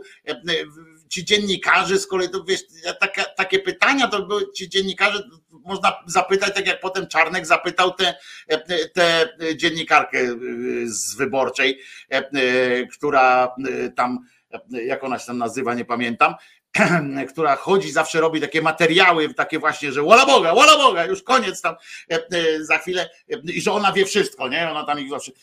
I on jej zapytał słusznie, pani jest taka głupia, czy tylko tak głupio, czy tak pani kazali zapytać? No bo faktycznie ona tam go zapytała jakiś, w taki sposób, że, że nie można było na to inaczej odpowiedzieć, tylko czy, czy, czy pani jest głupia, po prostu no bo to jest tak, no i co? I, I, to będzie mieli taką permanentną kropkę nad i wtedy, tak? tak? Że tak, pan jest głupi. Nie, pan jest głupi, ale pani głupsza jest, ale a ty jesteś brzydka, a ty. To jest po prostu, ja bym, ja bym chciał, żeby generalnie dojść do takiego momentu, że nikt o nic nie zapyta pana Czarnka. Wiesz, to jest, to jest mój ideał, że jakby ja się zastanawiam, czy ktoś w końcu wpadnie na pomysł, e, że skoro Czarnek naopowiadał tyle idiotyzmów e, i narobił to, że narobił tyle głównie to jedno, ale e, o ten dziennikarski świat to chodzi o to, że on, że on naopowiadał tyle idiotyzmów i po, odbyło się tyle prób już zaproszenia go do studia i zapytania go o cokolwiek i jakaś forma rozmowy czy coś takiego, no to już można się po tych iluś tam latach jakby nabrać przekonania, że, że no to nie jest to. No. E, tu się nie uda. I tak jak Einstein, prawda, ja często to cytuję, ale e, powiedział, że wykonywanie tej samej czynności w tych samych warunkach i w ten sam sposób z oczekiwaniem innego efektu jest głupotą.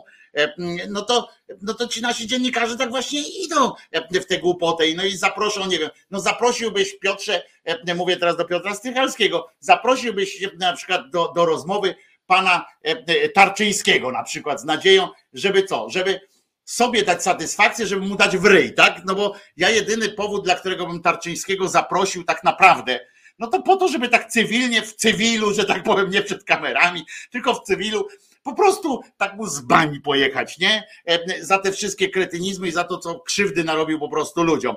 E, I to jest koniec, ale jakby powodu do tego, żeby go zapraszać. Ale gdyby, gdyby taka e, olejnik, czy jakiś tam inny, czy inna z TVN24, czy pokrewnych mediów miała też trochę fantazji, czy polotu, czy jakiejś chęci prowokacji, to mogłaby zaprosić takiego czarnka.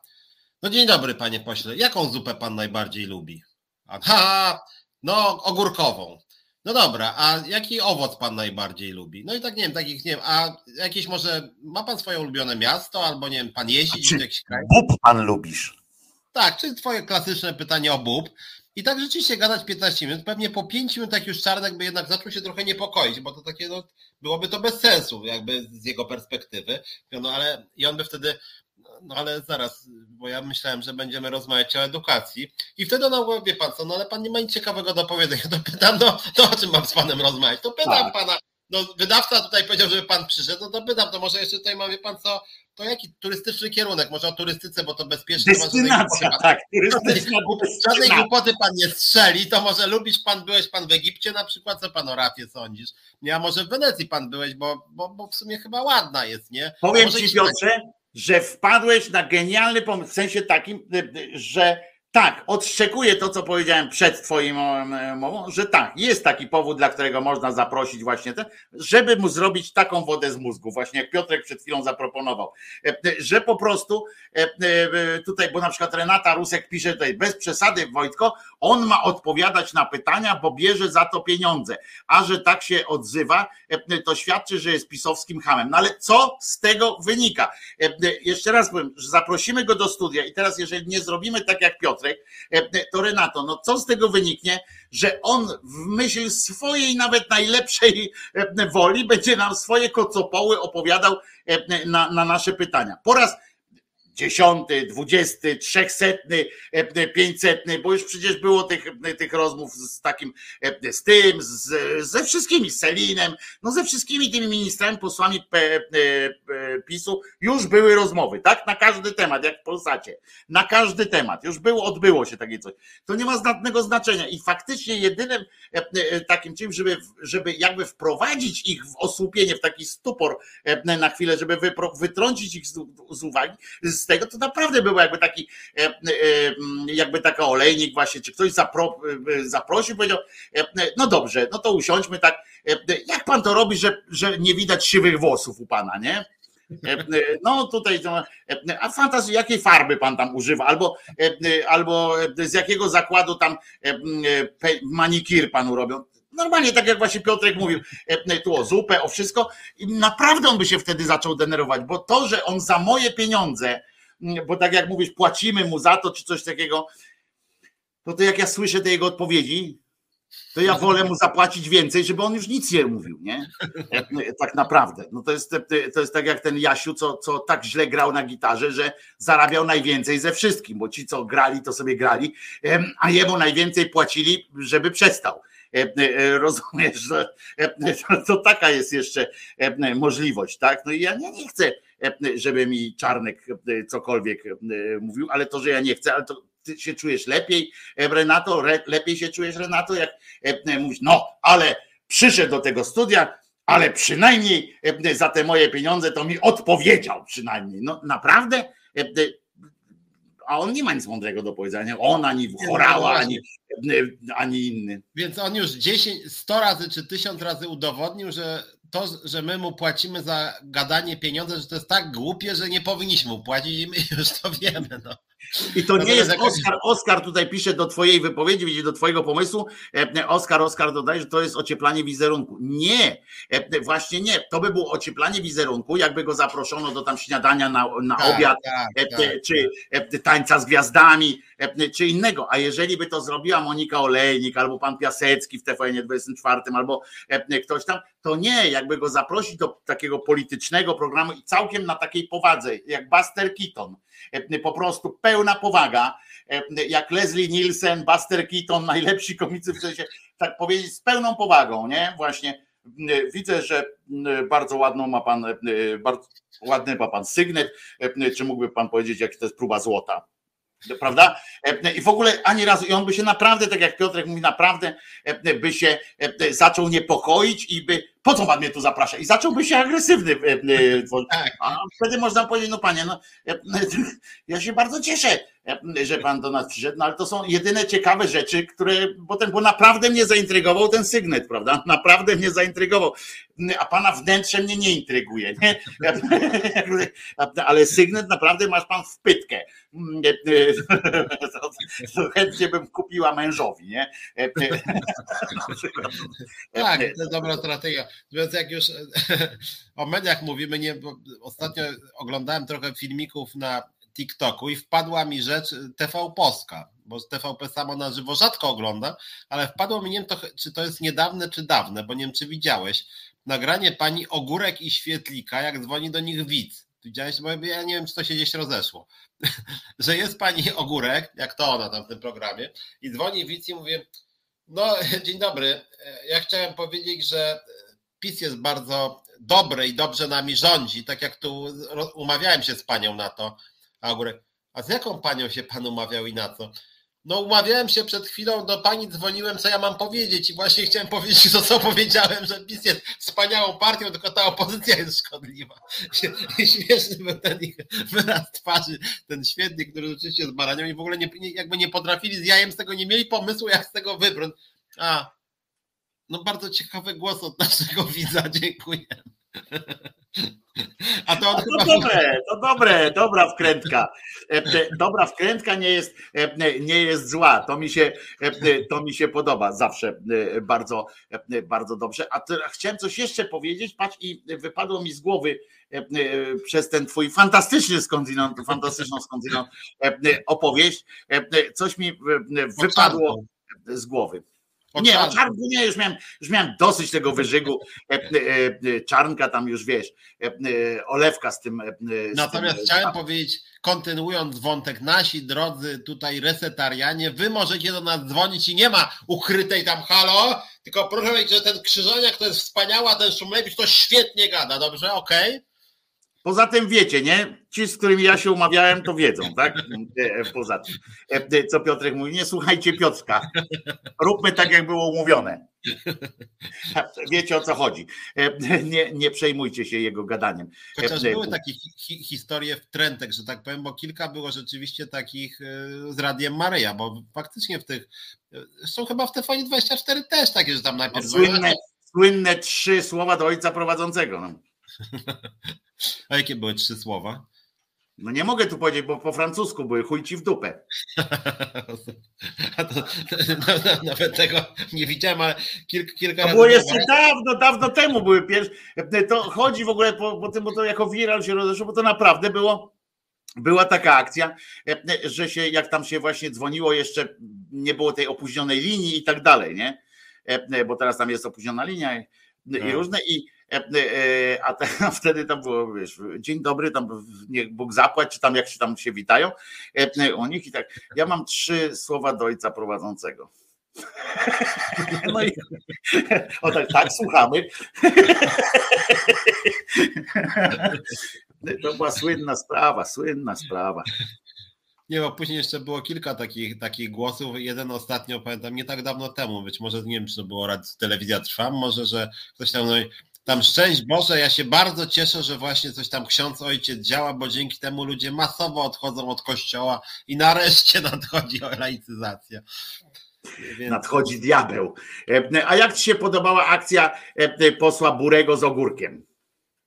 A właśnie, wiesz co, właśnie a propos posła Burego, bo ja to akurat miałem to szczęście, że na żywo to widzę, znaczy na żywo w sensie oglądałem telewizję, nie na żywo, że w studiu gdzieś podglądałem, ale rzeczywiście akurat miałem to włączone i widziałem i powiem tak, poseł Bury nie rozegrał tego zbyt inteligentnie i on w ogóle jakimś orłem intelektu nie jest. Natomiast ja muszę powiedzieć, nie wiem, czy wyście oglądali, bo to, to znana chyba sprawa, więc chyba oglądaliście. Ja muszę powiedzieć, dopuszczałem nawet w A, tym. No, bo ja muszę powiedzieć, że ja bardzo empatyzowałem z posłem Burym. Aż jakby z jednej strony zrobiło mi się go żala, z drugiej strony go jakby wsparciem jakby otoczyłem duchowym takim, tak poczułem pewną empatię, że właśnie, że, że, że, że, bo ten program, tak bo ja od początku to oglądałem, że ten, że ten, nie chcę tu przekląć za bardzo, ale ten prowadzący bez przerwy go chamsko zaczęły. Pan jesteś śmieciem, nie? No, przepraszam, ja chciałem o tym KPO. Pan jesteś głównym. Nie, przepraszam bardzo, to ja może powiem o tych stosunkach zagranicznych. Jak już ten kłeczek po raz szósty mu de facto robnął w zęby, no to ten, znaczy on tego ogórka jakoś miał tam przygotowanego jakoś chyba trochę. No nie co to? No nie co rozumiem, ty, Piotrze? Rozumiem, On na pewno przez przypadek na pewno szedł z ogórkiem po prostu. Ja tego, ja tego happeningu jeszcze przygotowanego nie kumam jako happeningu, ale z drugiej strony o tyle Bury inteligentnie to zrobił, że nie przyszedł od razu powiedział masz pan ten ogórek, tylko faktycznie ten kłeczek go tam poniewierał jakby był takim hamem, że rzeczywiście jakby... Ale powiedz mi Piotrze, powiedz mi Piotrze, po raz, czy Kłeczek pierwszy, czy Kłeczek kogoś zaskoczył w tym programie? Nie, nie, oczywiście. Dziękuję. To było pierwsze pytanie. Drugie, czy to była pierwsza wizyta posła opozycji, w tym Burego, w tym, w tym studiu u, u pana e, Kłeczka? Nie, te, właśnie te, ja oczywiście uważam, że to było głupie, że on jakby najpierw 15 razy przyszedł i się głupio uśmiechał, a jak 16 razem pojeździł po nim Kłeczek, to on się nagle obraził. Oczywiście były jeszcze dwie osoby z opozycji, pani z Lewicy i pan z PSL-u, i pani z lewicy głupio się uśmiechała, a pan z PSL-u powiedział, że w zasadzie to, to Bury był strasznym hamem i to nie wolno w ten sposób się zachowywać. I takie było ich podsumowanie. Więc ja sobie powiedziałem, no jeżeli tak ma wyglądać solidarność opozycji i w ogóle tak ma postępowanie opozycji ma wyglądać w mediach, no to słabo strasznie, że najpierw przychodzą 20 razy, a Żukowska tam i to niezależnie od nie tylko Żukowska, ale kilka osób co najmniej tam mówi, że to wspaniałe są programy, a nawet jak później ten kłeczek już tak chamsko na maksa obraża, to jeden wychodzi, a reszta się głupio uśmiecha i w zasadzie mówi, że to bury głupi ham, no to to jest to, co my mówimy od początku, jak prowadzimy wspólnie ten program, prawda? Że przychodzenie tam do tej telewizji i uśmiechanie się i wchodzenie w ten dialog z nimi jest po prostu złe i, i roz, jeszcze bardziej rozkręca tych, tych pochlastów. Bo oczywiście była potem jeszcze kampania taka związana tak, z tym, jak tak. to biedny kłeczek został po, po, po poniżony i tak dalej. Natomiast i tak na, na zajutrz, że ja tu z Państwem u siebie tam w Szyderze się śmiałem z tego, bo na zajutrz oczywiście, od rana już tam w programach telewizyjnych tam wszyscy występowali, prawda, i w publicznej też. I siedział poseł od y, Platformy, zaproszony via internet i tak dalej. I najpierw w jednej części programu, tam minęła ósma, dziewiąta i w pół do dziesiątej, to było też o tej, o tej sprawie, to było, no tam, że trochę, że trochę tam przesadził, ale jednak miał rację, coś tam takie, wiesz, pierdu, pierdu, ale siedzi tam twardo i wiesz, nie, nie ten, a, a, a poseł z Platformy Obywatelskiej, jak zwykle, aha i tam było też o tym, że jak siedział Klarenbach prowadził ten program, no to oczywiście, o, bo u pana to na przykład to jest dobrze, bo pan to tak, jest w porządku. Tak.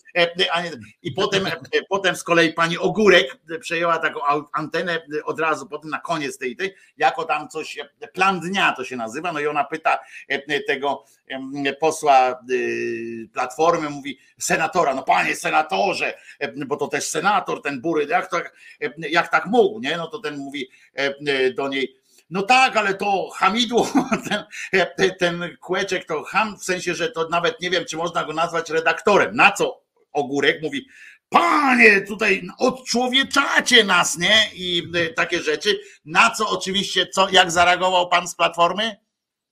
No czy ja mówię o pani? No pani to nie!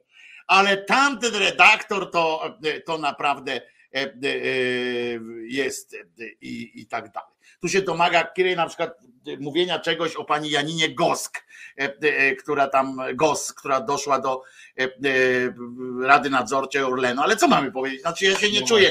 E, no, wzięli kobietę 70 tam parę lat ma, najpierw utyskują, ja to jedyne co mogę powiedzieć, to że najpierw utyskują, że Tusk wiek emerytalny podniósł, a potem oni zatrudniają 78-letnią kobietę, do, każą jej pracować do śmierci i to jest dobre, nie? A na to nikt nie zwrócił też uwagi z tej opozycji, że oni nie mówią e, właśnie tak szyderczo, dlaczego każecie tej pani pracować do śmierci? E, to jest nieludzkie, bo oni cały czas, e, to jest tak, nieludzkie, tak, tak. że ją zatrudniacie w tym, ale to już tam pomijam.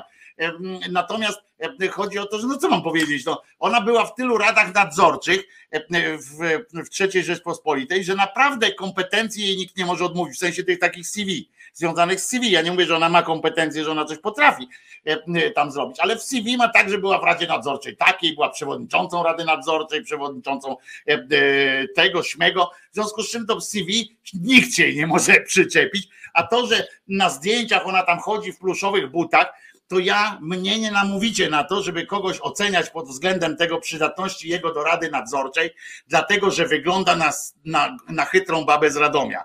E, każdy z nas jakoś wygląda e, i, i jeżeli czynimy, a takie były właśnie te przytyki, że robili zdjęcie pani Gos i powiedzieli, to jest członek Rady Nadzorczej. A ja zawsze wtedy takiemu powtarzam, weź się spójrz do lustra człowieku i czym ty jesteś? E, e, e, tam jakiś poseł. Mówię, taki, takiś ładny, taki się Adonis odezwał, jeden z drugim, żeby był. No, ale to jest, na to mnie nie namówicie, na to mnie nie namówicie. Natomiast ewentualnie co z czego się mogę pośmiać, to tak, że zatrudniają kobietę 80-letnią i każą jej do śmierci pracować i z tego się można pośmiać. No. A to, czy tam inni myślicie, że reszta tej Rady Nadzorczej to jakieś tuzy polskiej myśli ekonomicznej, czy coś, że ona tam będzie jakimś najsłabszym elementem tego? No nie, no burmistrz Cimia jest szefem tej firmy. Więc to, to, co myśmy tu mówili, gdybym ja na przykład trafił do takiej rady nadzorczej, to nawet jakbym nie miał zielonego pojęcia o firmie, to zacząłbym czytać jej papiery i bym zadał jakieś niewygodne pytanie, a tato tam ma przyjść po to, żeby tam jakąś kasę otrzymać, może żeby coś tam się komuś przyjrzeć personalnie, szepnąć komuś do ucha, tak jak to w mafijnym kinie. Prezes kazał przekazać, że musi pan zrobić dwa kroki wstecz. Pan powinien wiedzieć o co chodzi. Dziękuję. No i wyjść, nie? I to cała jej obecność w Radzie Nadzorczej, coś takiego. Tak, tak, ale to wiesz, ale, ale skupienie się na tym, że ona kurde ma e, krzywe nogi, czy tam. Nie, to żenujące, tak. Tym bardziej, że, że, że, że to, co ja czasem widzę, szczególnie na Facebooku, tam grupy na przykład, nie wiem, fani e, Trzaskowskiego i pokazują właśnie Trzaskowskiego z żoną i piszą, to jest prawdziwa, piękna para, nie to, co te dam obrzydliwe szydło, brzydka jak cholera i kępa, te pasztety dwa, tu piękna para polska. No a po drugiej stronie oczywiście na przykład piękny Patryk Jaki, z żoną, czy tam jakiś ziobro przepiękny, zobaczcie jacy piękni, nie? No to, to jest jakby bronią posieczna, że tak powiem. Więc uważam, że nie należy. To, że jest to szara eminencja i tak dalej, to my wiemy. Znaczy ja wiem o tym, oczywiście ona tam pożyczała pieniądze Kaczyńskiemu, tylko, e, tylko też pytanie o to, czy my coś oczekujemy. Czy, czy Państwo oczekiwali coś tam, e, jakiegoś e, jakby to powiedzieć, no, jakby tak powiedzieć, żeby was nie obrazić, no, ale Naprawdę was zaskakuje ludzie, że tam jest pani Gos, czy no nie wiem, lepszym wyborem byłby pan Terlecki na przykład, czy no oni nie mają tam szczególnie kogoś do, do brania. No, no nie mają, no i jakoś nie. No to po, po tym zresztą po, po tym względem by tam był. No, no, no. Po, po, tym względem najbardziej oburzające to nawet nie są e, w radach nadzorczych, tylko w zarządach firm, bo pewnie większość z Was to wie, ale zarobki w radach nadzorczych są zazwyczaj powiedzmy 20 razy mniejsze niż w zarządach firm. I taki Janusz Kowalski, który w rok 2 miliony, chyba nie pamiętam, 200 tysięcy zarobił, będąc kompletnym kretynem. E, a pani Gos, nawet jeżeli jest podobny poziom intelektu, e, nawet jeżeli jest, chociaż to mimo wszystko jakby być mądrzejszym. No nie, no to jest trudno, trudno no, Kowalskiego. Nawet w tym obozie politycznym, to jednak ta Gos, przypuszczam, że zarobi 10 razy mniej, czy tam nawet więcej niż. Ona ma zarabiać około 11 tysięcy miesięcznie. E, no, no to naprawdę nie jest duże, więc ale tu nie o pieniądze, wiadomo, że ona tam idzie po to, żeby pilnować e, Kaczyńskiemu, e, tak jak powiedziałeś, że ma tam przekazywać ewentualnie, że u niej na Radzie Nadzorczej to będzie ona siedziała i ewentualnie Obajtek będzie mówił jej, składał jej raport, co ma przekazać do pałacu, tak? tak przy Nowogrodzkiej. No i to będzie koniec. Ale, ale no mówię, no ale co, wiecie, no my mamy zadanie teraz no, odwołać ten PiS i wyczyścić tam te różne rzeczy, no bo naprawdę, no to czy nie będzie ta GOSK, czy, czy, czy Kępę tam zatrudnią, czy, czy kogoś, no, no wiecie, jeżeli byłby cień, cień takiej alternatywy, że jak nie wybiorą pani GOS do tej rady, to będzie tam, odbędzie się jakiś konkurs, czy odbędzie się jakiś, jakiś nie wiem, że tam dojdzie do tego, że zatrudnią kogoś poważnego. Gdyby był jakiś cień, prawda? Ja już nawet nie mówię o pewności, tylko cień, żeby był no to pewnie, żebym się nad tym zastanowił, tam bym zadał sobie pytania, tak, no to, to, to jedno, co mnie mówię, to mnie ewidentnie wkurza, to tylko mnie wkurza to, że, że akurat ten aspekt się wyciąga, czy ona jest brzydka, no, czy nie. Bo wiek akurat można jej wyciągnąć, bo ja, ja uważam, że, że w pewnych sferach powinno się wpuszczać, jakby tam, ale to jest też do no dyskusji. Jeżeli, ale... ktoś mówi, jeżeli ktoś mówi, że obniżył wiek emerytalny, to fantastyczna platforma chce pracy do śmierci, po czym wypuszcza się osoby jakby grubo po tym wieku emerytalnym, no to słowo hipokryzja e, tutaj jest na miejscu. No więc, więc z tego powodu się można pośmiać. No. Z tego się e, można pośmiać, ale tak naprawdę to fakt, w ogóle fakt, że o tym się, że to był temat na równi E, e, interesujący tak zwaną polityczną, siedzieli naprawdę w programach telewizyjnych i dyskutowali teoretycznie poważni politycy, politycy opozycji i tak dalej, naprawdę dyskutowali o tym, czy pani Gos to dobry wybór e, do Rady Nadzorczej Orlenu i czym ona się będzie zajmowała. Naprawdę się dzieje.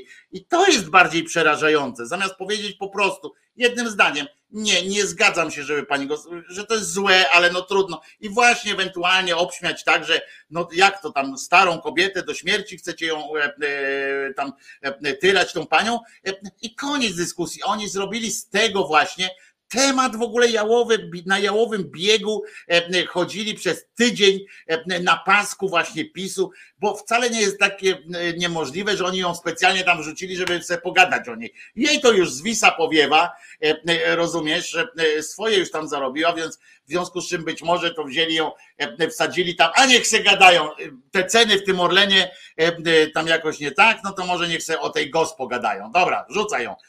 Pani Basiu, pani pójdzie tam? Tak, pójdę, co mnie tam zależy. Niech mówią, no i koniec. No, drogą, jak, tak.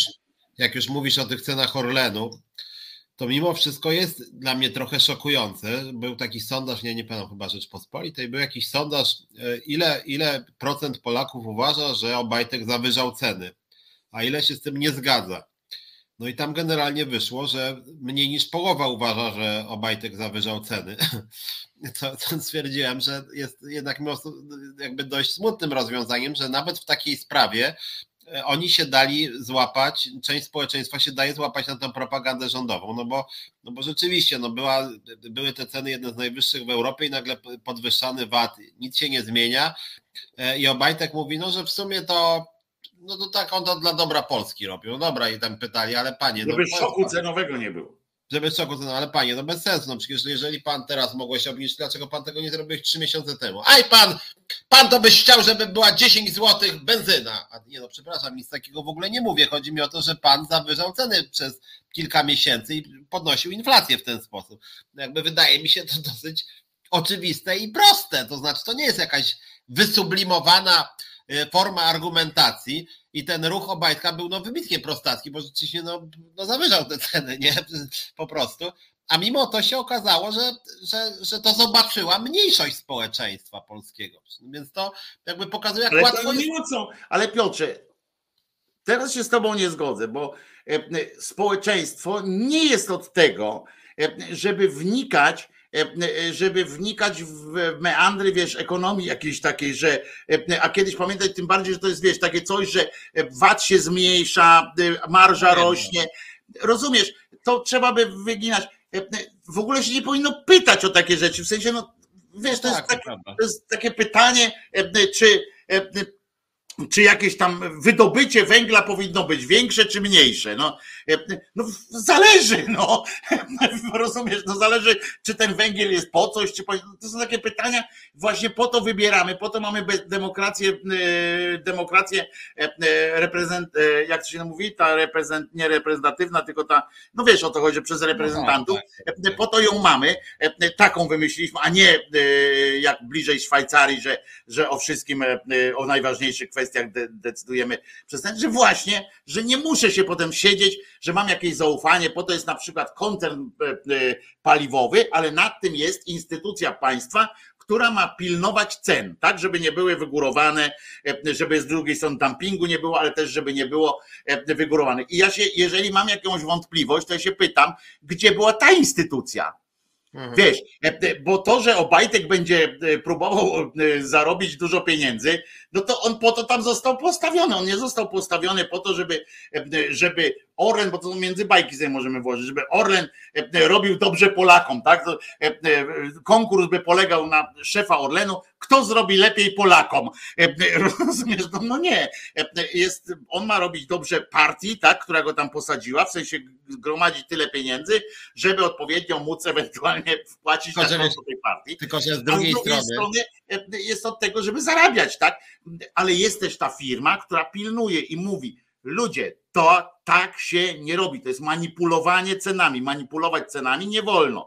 E, e, więc proszę tutaj e, to odłożyć. Nie, zgoda, to, że my zapłaciliśmy po kolei więcej, to jest jedno, ale to, że, że przemysł zapłacił przez trzy miesiące, płacił o złotówkę więcej, to już się teraz okaże i ci burmistrzowie miast iluś tam już przygotowują pozwy i bardzo dobrze, bo skoro rząd się na to zgodził, żeby taką operację wykonać, to oni żądają zwrotu e, za złotówkę od litra e, e, przez te trzy miesiące. Nie, to słusznie, z tym się właśnie zgadzam, tylko wiesz, dla mnie to jednak jakby na oko nie trzeba jakiejś pogłębionej wiedzy, że wychodzi szef koncernu de facto państwowego, kontrolowanego przez państwo energetycznego i mówi, kurde, zyski mieliśmy 10 razy większe niż za poprzedniej władzy, a ludzie widzą, że potwornie były wysokie ceny no, ich towaru. Czyli jakby narzuca się zaraz. Ale jak mieliście zysk, czyli krótko mówiąc, nas, że tak powiem, robiliście Bambuko, nie, no niekoniecznie. Poczekaj, czekaj, czekaj, żeby też nie zabrzmiało e, e, lewackością taką, wiesz, źle widzianą, bo to, że firma ma zysk, to nie musi być e, stawiane, o, tu Waldka widzę akurat to, to, że Waldek zarabia na, na swoich owocach, ciężko pracując, to nie znaczy, że nas okradał, żeby to nie było tak, że z nas wyciskał pieniądze. Tylko no chodzi o to, że nadmierne, tak jak, jak faktycznie, jak e, Obajtek, i to jest już prawda, że tak jak Obajtek opowiada, e, chwali się tymi nadzwyczajnymi zyskami, no e, które idą w miliardy, no wtedy trzeba właśnie, ale nie, że mam zyski, mówię, że ludzie mówią, że ludzie widzą, że potwornie wysokie są ceny benzyny i że strasznie na tym, na tym, na tym, na tym tracą, a w tym samym czasie on mówi właśnie, zobaczcie, do mojej firmy mam zyski kilkadziesiąt miliardów, no to ludzie myślą, dobra panie, to może miej pan trochę mniejsze te zyski, żeby nam było troszkę lepiej, no.